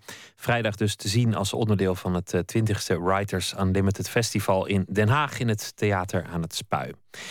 Zaterdag in Groningen, Eurosonic Noorderslag. Dan wordt de popprijs uitgereikt. De meest prestigieuze prijs voor de Nederlandse popmuziek. En de winnaar is traditioneel degene die ook de bierdouche krijgt. Nou, wordt het Kensington, de Common Linnets of wordt het Dotan? Um, Typhoon, ook nog een uh, grote kanshebber. Hier is het nummer Hemel valt.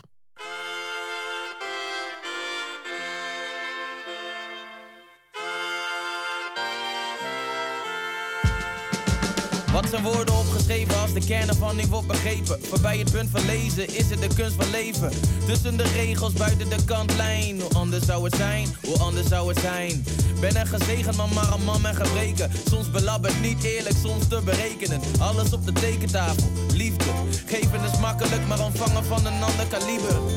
Je kent mijn streken en mijn kracht. Ken de muziek, de poëzie wat het heeft gebracht. en ik ben dankbaar voor mijn lach. Als ik dat niet had, was ik depri of suicidaal. Ze zeggen doe normaal, verman jezelf. Al gaat het goed, dit paradijs lijkt soms verdacht op een hel. Maar goed, ik sta versteld, sta stil en herinner me. Alles is er al van binnen. Als de hemel valt, de hemel valt. De druk op God wordt groter en ze draagt het allemaal. Maar als de hemel valt, zullen we het samen moeten dragen. En kunnen zij en Allah samen even weg. Misschien ben ik een domme jongen, maar mijn god, zeg maar waarom men zonne blijft verkondigen als liefde de bron is. Dat is geen brood, maar kruimels uit mensenhanden. Niet de jou of een zogenaamde duivel. Zeg, hoe is het nou, zo'n multispagaat? Er altijd zijn voor iedereen en alles. Beetje zoals mijn eigen ma. Zij is toch goed voor deze wereld. We willen meer plus, door de crisis is iedereen skeer. En dan de eeuwige strijd. Klopt drama aan de deur is ieder van de partij. Ja, ja, we willen ons gelijk opgehangen aan ideeën van het liefst één waarheid. Hoe zou het zijn? Even een break, deel ik het nee, is of met de trein. Bootje baden in het universum, modderbad, verse koffie in de ochtendkrant. Als de hemel valt, de hemel valt. De druk op God wordt groter en ze draagt het allemaal. Maar als de hemel valt, zullen we het samen moeten dragen. En kunnen zij en Allah samen even weg.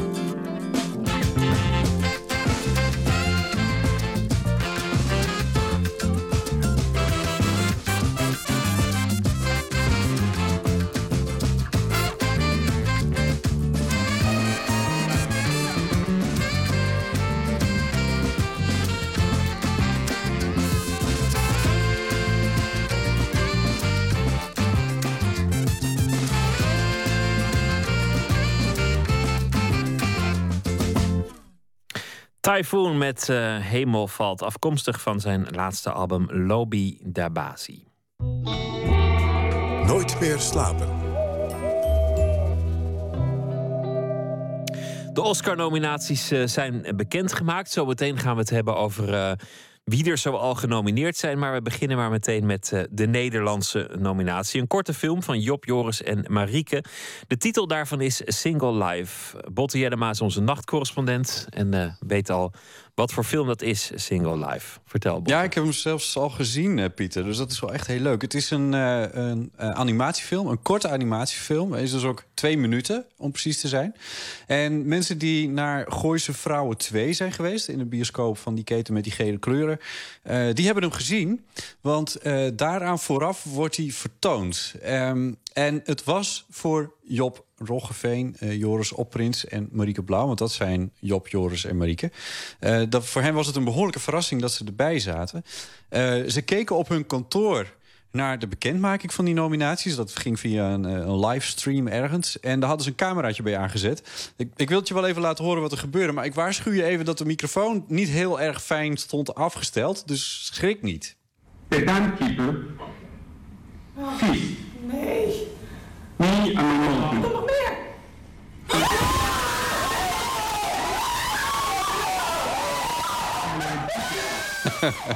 ja, het zou, zou ook klinken alsof er iets heel ergs gebeurt. Maar dit is, Ja, dit is vreugde. super blij. Heel, heel erg eh, blij zijn ze. Ja, Job Roggeveen was vorig jaar hier eh, eh, te gast. Ehm, dat filmpje, waar gaat het over? Nou ja, het is een, een film. Ik, ik, ik kan het je uitleggen. Het is een filmpje heel simpel. Een vrouw eh, gaat ergens zitten, zet een plaat op, vinylplaatje, zet ze op.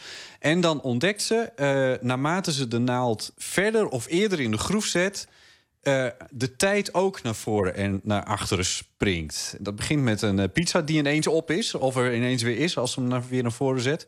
Maar die plaat beslaat haar hele leven. Dus ze transformeert van, van kind naar oma. En er wordt niet in gesproken.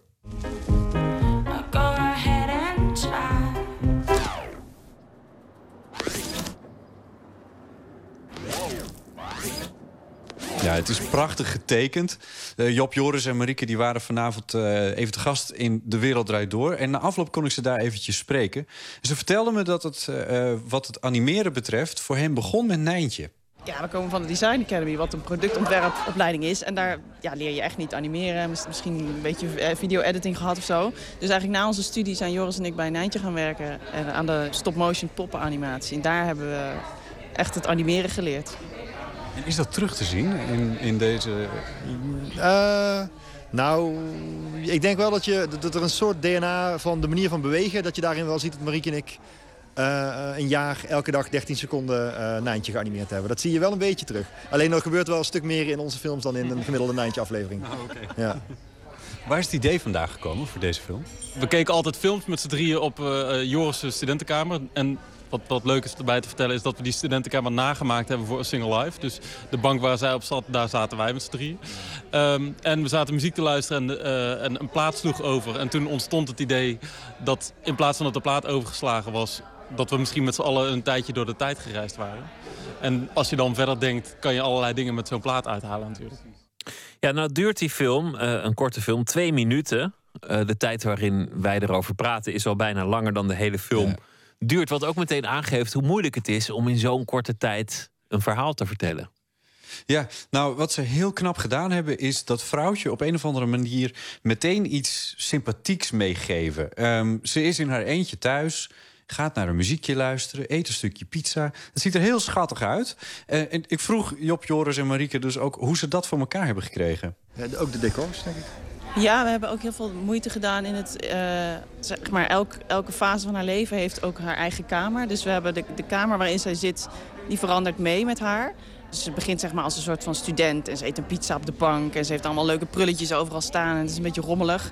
En dan, en dan skipt ze naar, naar een stukje vooruit en dan is ze ineens een carrièrevrouw. En is alles heel erg strak en mooi en glimmend. En eh, op die manier krijg je wel een soort van beeld van haar, van wie zij dan is en welke fase van haar leven. Zitten er nog dingen in, of dingen die jullie er juist uit hebben gehaald... die we niet weten, die wel heel komisch zijn? nou, Ah, dat kijk, zitten we ik wist het. We hebben heel veel dingen, kleine grapjes in de achtergrond. Dus ik ben heel benieuwd hoeveel mensen zien. Bijvoorbeeld, we hebben verwijzingen naar Back to the Future, omdat je natuurlijk in de tijd reist. Allerlei boektitels en eh er hangt een Happy Camper poster, wat natuurlijk het muziekproject erbij is en zo. Dus Ja, eh, veel aandacht voor die details dus. Eh, de muziek die je hoort, dat was nog een hele eh, flinke klus voor die film. Want hij is op die muziek gemaakt. Maar die is dus door dat heen en weer scratchen van het vrouwtje ook weer fragmentarisch. Ja, in de muziek, eh, textueel is het ook wel heel ingenieus dat het slaat op de scène die je ziet. Ja, een nummer wat helemaal verknipt wordt. Ervoor zorgen dat de tekst dan wel uitkomt bij precies de plekken waar je het wil. Dat was een enorme puzzel. En het is heel, ik denk dat heel veel mensen de eerste keer niet meteen die tekst eh, horen. Maar het is wel heel leuk als je een paar keer kijkt dat het gaat opvallen. Veel details dus, veel, veel aandacht daarvoor. Ehm, ja. een Oscar-nominatie. Dan mag je naar de uitreiking. Want het zou zomaar kunnen dat eh, de camera zich op jou richt... en jouw eh, Ja. naam ineens wordt eh, genoemd. Ehm, ja, hoe, hoe gaat dat verder? Ja, nou, dat is ook nog een beetje spannend bij hun. Want ze zijn met z'n drieën, natuurlijk. eh, Job, Joris en Marieke. Eh, maar Marieke vertelde mij dat ze erachter was gekomen... dat je in principe maar twee kaartjes krijgt voor zoiets. Dus ja, ze zijn met z'n drieën. Dus hoe ze dat nou precies gaan oplossen... dat was ook nog een beetje een raadsel. Hosselen, denk ik. Gewoon eh, hard onderhandelen. Het, het Ja, filmpje. tweeën op één stoel. Maar ja, Ja. misschien, ja, hoe kom je daarin? Je heel lang in de gangkast verstoppen, zoals bij het boeken wel wel eens gebeurt. hoe kan je dat filmpje zien? Nou, eh, naar die film gaan, of Gooise Vrouwen 2... want dan staat hij eh, bij die eh, gele bioscoop staat hij gewoon vooraf geprogrammeerd... als korte film. Zo is het ook begonnen met dit filmpje. Maar hij is ook te koop in de iTunes Store... als je hem zelf eventjes wil hebben. En hij draait op het filmfestival in Rotterdam... dat volgende week begint. Dan waren er nog meer nominaties natuurlijk voor de Oscars. Wat zit er tussen zoal? Nou ja, eh, de grote opvallende eh, genomineerden zijn eh, Birdman en The Grand Budapest Hotel. Die zijn beide genomineerd voor ieder negen Oscars. Dus dat is wel een flinke hoeveelheid. The Imitation Game heeft acht nominaties. Over Alan die- Turing? Ja, Benedict Ja. Cumberbatch, die ook nog genomineerd is voor beste hoofdrolspeler, beste acteur. En even kijken, dan was er ook nog die film die jij noemde een tijdje geleden. Timbuktu, ja, dat zag ik. Dat was een, een, film die ik noemde toen wij een, een soort eindejaarslijstjes presenteerden. Die gaat in première in Nederland op het eh, filmfestival in Rotterdam. En zal daarna ook wel in de bioscoop eh, eh, draaien. Die had ik al gezien en ik was erg onder de indruk. En kennelijk is de, de jury van de Oscars dat met mij eens. Ja, nou, ze hebben hem genomineerd voor de beste buitenlandse film in ieder geval. Dus ja, wie weet. Ehm, en eh, even kijken, de uitreiking, dat is natuurlijk ook wel aardig om even te weten... dat is over iets meer dan een maand. Dat is op zondag 22 februari. Dankjewel, Botte Jellema. Graag gedaan.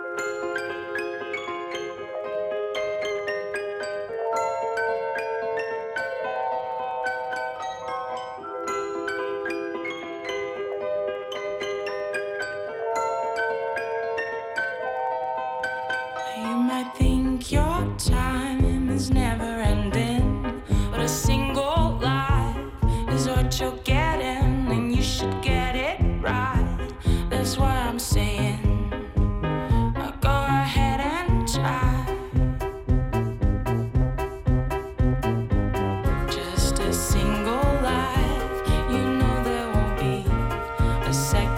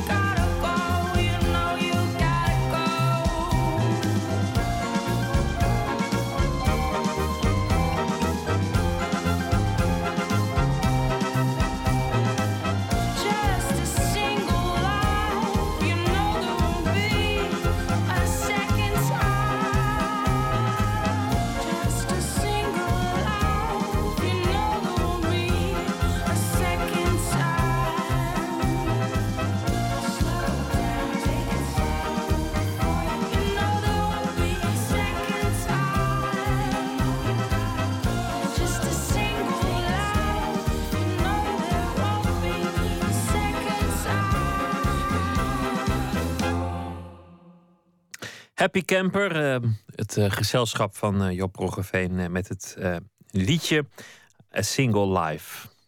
Gezongen door Pien Feit. Nooit meer slapen.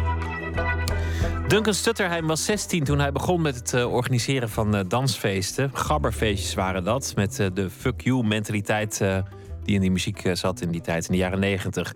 Er eh, ontstond een subcultuur van je welste en het bedrijf dat Duncan had opgericht groeide enorm. IDNT was daar de naam van.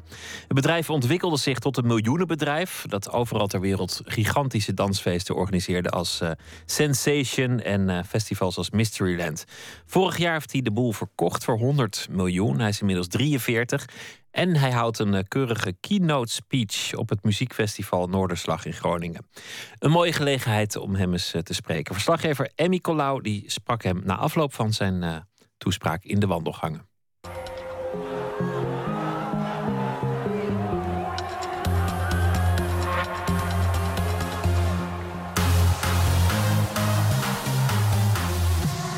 Als je, in die nacht staat, ja, dan is het weer te gek. Als je zo'n zo'n festival binnenkomt en eh, vorige maand was ik nog mee met Martin Garrix in Dubai op Sensation. Ja, die jongen kwam op, de plaat gaat erop, je ziet 15.000 mensen opspringen. Ja, dan, nou, dan heb je ook wel kippenvel. Are you guys ready to jump or what?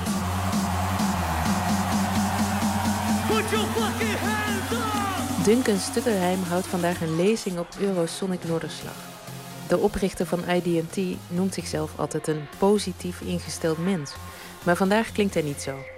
Er moet hem iets van het hart. Een cri de coeur noemt hij het zelf.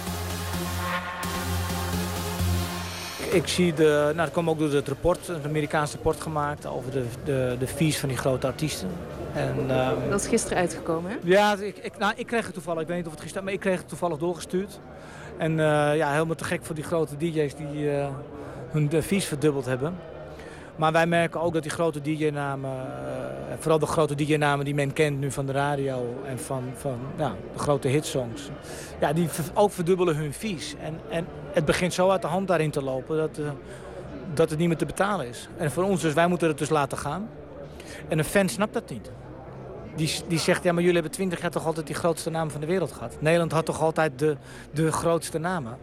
En nu moeten wij zeggen, ja, maar we kunnen ze niet meer betalen. En dan zeggen ze, ja, maar ik betaal toch 80 euro voor een kaart. 500.000 euro voor één show. Het is geen uitzondering voor de top DJ's. En naar schatting gaat er zo'n 6,2 miljard dollar om in de hele industrie. Critici spreken inmiddels van een bubbel en vragen zich af wanneer die gaat barsten. En je komt in een soort ratrace terecht, van dat je alle namen wil hebben. Want vorig jaar hadden we de 20 grote, nou dan moeten we er nu... En het, het zit ook in de mens vaak om te willen groeien. Nou, het liefst zou ik er wel nu 22 willen. En je probeert dus die line-up in stand te houden met de nieuwe grote namen. Maar ja, dan gaan dus de fees omhoog. In de hoop dus dat je meer kaarten verkoopt. Maar dan werden minder kaarten verkocht. Ja, dan, dan wordt het wel een beetje... Dan word je wel zenuwachtig nu, want... eh, nul verdienen op een feest en je bel je over het alles, dat, dat, dat kan je dus niet nog een jaar volhouden. En het volgende besluit is, en dat zie je nu ook gebeuren, nou, dat zei ik ook in mijn speech. In Engeland is het eerste festival, een groot festival. Wat na twintig jaar eh, heeft gezegd, eh, dit jaar doen we even geen festival. Gewoon helemaal niet. Even niet. En we komen in 2016 terug met een eh, nieuw format zonder deze grote namen. Maar hoe is dat dan toch kunnen gebeuren? Is, is het zo populair dat het aan zijn eigen populariteit ten onder gaat? Nou ja, als, als ze dus nu niet, daarom geef ik een cri de coeur. Als ze zo doorgaan, gaan er dus minder grote festivals die grote jongens boeken. Dan missen ze straks hun grote platform. Ik ben benieuwd wat er dan met... eh, kijk, die housewereld en die uitgaanswereld gaat niet weg. Die gaat wel door. Er zijn 500 festivals de, de- de- de- dit jaar in, eh, in Nederland. Meer dan 3000 bezoekers. Dus daar ligt het niet aan. Alleen die grote DJ-namen, die zullen het lastig gaan krijgen dan. En nu kunnen ze nog wel even nog lekker verdienen. Maar daar gaat een eind aan komen. En is dat dan toch een probleem? Of lost, als ik je nu zo hoor, denk ik, nou, dat lost zich dan Ja. mooi vanzelf op. Voor wie is het probleem? Eh, voor voor de, de fan sowieso niet, want die luistert ook wel naar iets anders daarin. Alleen hij, hij wordt nu wel benadeeld, vind ik. Want hij, hij hoort die muziek, die vindt, hij kijkt op internet, hij is fan geworden. Maar hij, hij, hij kan hem bijna niet meer zien. Hij kan hem bijna niet meer naar, naar hem toe. Nou, dat klopt niet. En, en, en, en ik, ik vind dat, dat die grote jongens ook moeten, nadenken waar, ze, waar het vandaan komt allemaal. We hebben, ze hebben natuurlijk, zijn zo groot geworden omdat ze twintig jaar lang op al die podia's hebben gestaan. En eh, ja, ze, ja, nu prijzen ze zichzelf de markt uit. Ja, dan eh, houdt het een beetje op. Je hebt zelf je bedrijf voor heel veel geld kunnen verkopen. 100 miljoen, dacht ik. Ja. Ehm, dus, Dat delen we wel met 20 mensen, eh, een bol hoor. Maar ik, ja, dus al jouw oud-collega's zijn allemaal miljonair. Ehm, voel je je op een of andere manier mede verantwoordelijk aan de creatie van die bubbel? Nee, want wij hebben niet een IDM iets verkocht. Bedoel, wij met Michelin doen helemaal niet mee in de IDM. En met Welcome to the Future of met, eh, met onze andere feesten, wij doen daar helemaal niet aan mee. En wat wij hebben verkocht is onze kennis, onze merken. Onze, eh, in Brazilië, eh, ons festival is uitverkocht in een uurtje. Dus wij doen het zelf gewoon heel sterk. Alleen wij zien zusterbedrijven en andere festivals, die dus wel daaraan meedoen, die, die gaan het zwaarder krijgen. Maar jij hebt er ook mee te dealen. Eh, je vertelde, er komt een 23-jarige DJ en die zegt... als ik niet de headliner ben, dan, eh, dan ben ik weg. Doei. Nee, dus ik moet dat nu ook uitleggen aan onze fans. Dat ze sommige grotere namen niet meer zullen zien. Nou ja, dan zou het een probleem kunnen worden. Maar ik geloof dat wij redelijk sterk zijn. We hebben 23 jaar zijn wij al bezig. Eh, en wij hebben eigenlijk al die golven zien komen en gaan. En al die DJ's allemaal zien komen en gaan. En, ehm, er zijn gelukkig heel veel nieuwe DJ's. Die ook echt best wel een plaatje kunnen draaien. En ook echt gewoon eh, goed kunnen optreden. Eh, alleen ja, wat, wat ik zeg, voor het eerst is het nu dat die top, ja, dat dat misschien even niet. Nou, het zou ook nog kunnen dat we dan in een, eh, in een tijdelijk, de, nou eigenlijk niet, een dipje zouden komen. Ik, zou kunnen. Ik geloof daar zelf niet in, hè, want wij zijn al 23 jaar best wel stabiel daarin bezig. Dus je hebt de luxe om mensen te kunnen weigeren. Ja, wij zeggen ja, nou, omdat wij altijd heel vast hebben gehouden aan het concept. Dat het concept is net zo belangrijk als een DJ, als het publiek. Ik geloof daar echt in.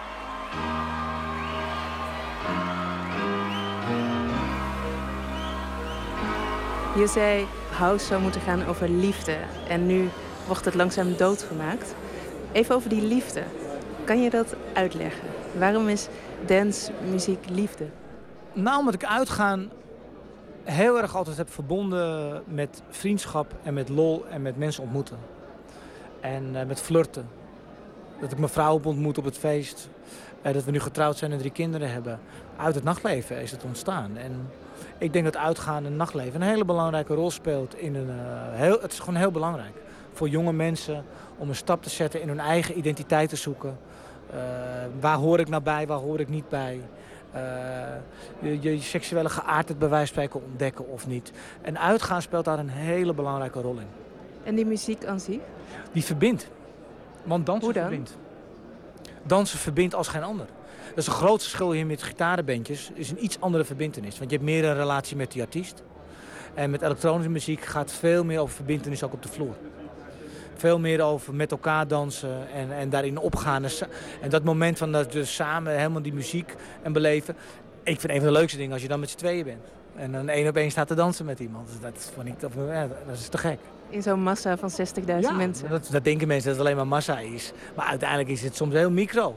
En je kan het, een, kan het op de dansvloer een, een, een kus zijn. Eh, Dan is het ineens heel micro geworden. Dat is een hele grote. Is dan heel klein geworden en heel puur. Ja, dat gaat dan voor mij over liefde. I need your love, I need your time. When everything's wrong, you make it right. I feel so high, I go alive. I need to be free with you tonight. I need your love. Je bent nu 43, vader van drie dochters, zeg je dan erbij. Eh, en je liet een filmpje zien uit de tijd van Thunderdome en de eerste gabberfeesten die je organiseerde. Dus toen je het zo 16, 17, 18 was. Herken je dat jongetje nog? Nou, ik zie wel die, eh, de, de rebellie of zo toen. Ik ben nu ook gewoon een nou ja, geconformeerde huisvader. Nou, ik ben geen huisvader, maar wel een vader natuurlijk. En, eh, ik kan nog een beetje tegendraad soms zijn met dingen. Eh, ik probeer wel iets... eh, ik ga niet alleen maar mee in de grote gedachtegoed. Ik probeer wel altijd even te kijken, kan het anders? Kan het, zie ik iets... eh, dat zit er nog wel in. Het tegen iets zijn heb ik niet meer inderdaad. Dat is wel veranderd bij mij. Toen vond ik echt dat ja, die hardcore muziek was gewoon echt wij tegen de wereld. En dat is toen wel veranderd toen wij naar house muziek en ja, vrolijkere muziek gingen luisteren, zijn we wel veranderd naar een love you all gevoel. Met bloemetjes in plaats van de duivel, eh, eh, fuck het allemaal. Dat is wel veranderd. Maar ik, ik kan er wel om. Ik, zie nog, ik weet wel wie dat jongetje was en waarom hij het deed, inderdaad. Eh, alleen ik ben dat niet meer. Nee, maar niet met een gevoel van spijt soms. Dat je denkt van was ik nog maar zo. Helemaal niet. Ik, ik, ik kan er juist enorm genieten van, van elke vijf jaar weer vooruit en wat er verandert. En ik geloof ook echt in de, de theorie dat elke zeven jaar elke cel veranderd is in je lichaam. En ik zie mezelf ook als ik mijn foto's zie of eh, als ik mezelf terug hoor op interviews. Of dat ik al echt veranderd ben en dat ik verander. En ik vind dat positief. Ik, ik vind dat ook heel... Ik hoop dat ik ook zo oud kan worden. En dat ik eh, heel positief kan blijven. En mee kan gaan met nieuwe, eh, wat er speelt. En, en dat ik niet vast... Ik, ik vind het soms moeilijk als mensen vastzitten. Maar over zeven jaar zijn al die cellen dan weer vernieuwd. Ja. Dus eh, doe je dan nog hetzelfde? Of kan het ook zijn dat je dan iets totaal anders doet of gestopt bent? Ja, dat kan zeker. ik, eh, ik voel nu wel, ook, ook tuurlijk als je je bedrijf hebt verkocht, dat het al anders is. Dat ik minder uitga is al anders. Eh, dus ik kijk daar nu, ik voel dat nu al dat het anders is. Dus ik, ik zie mezelf niet over zeven jaar er net zo in zitten als nu. Dan denk ik dat ik wel wat anders doe.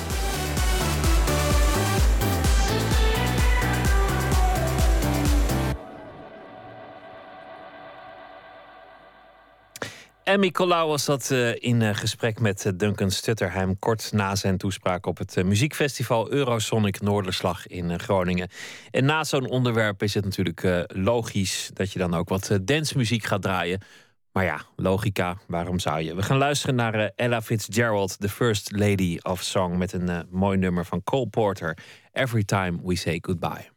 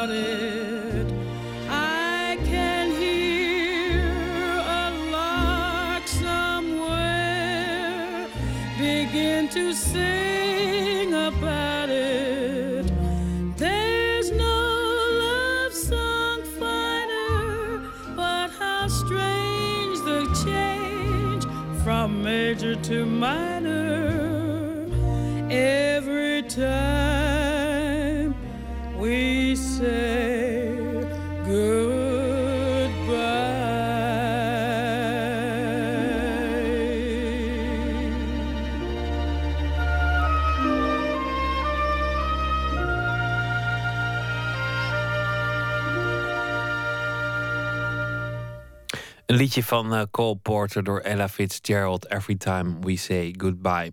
Daniel D. is de stadsdichter van Rotterdam. En eh, die sluit eh, deze week onze afleveringen af met een gedicht. Een gedicht van iemand anders dat hem dierbaar is of dat hij mooi vindt. En vannacht is dat het gedicht Brief aan mijn moeder van Frank Koenegracht.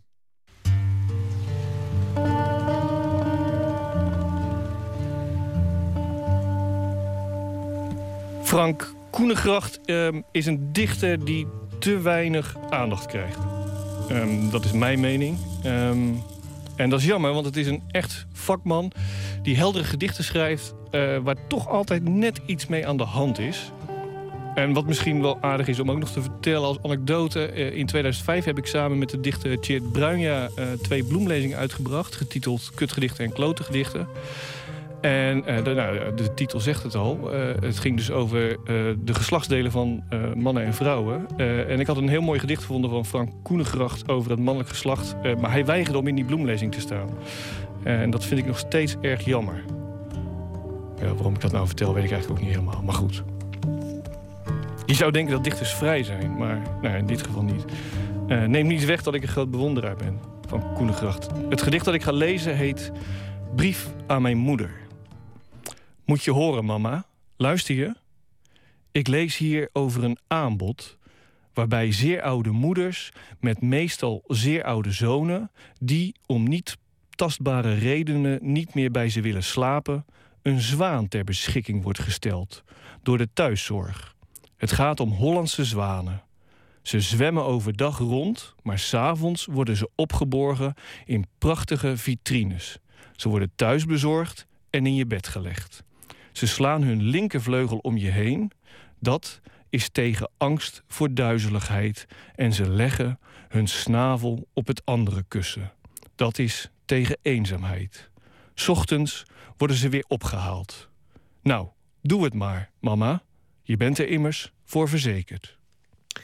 Daniel D. droeg een eh, gedicht voor van Frank Koenegracht. En eh, morgen zal hij eh, nog een favoriet gedicht voordragen aan het eind van Nooit meer slapen.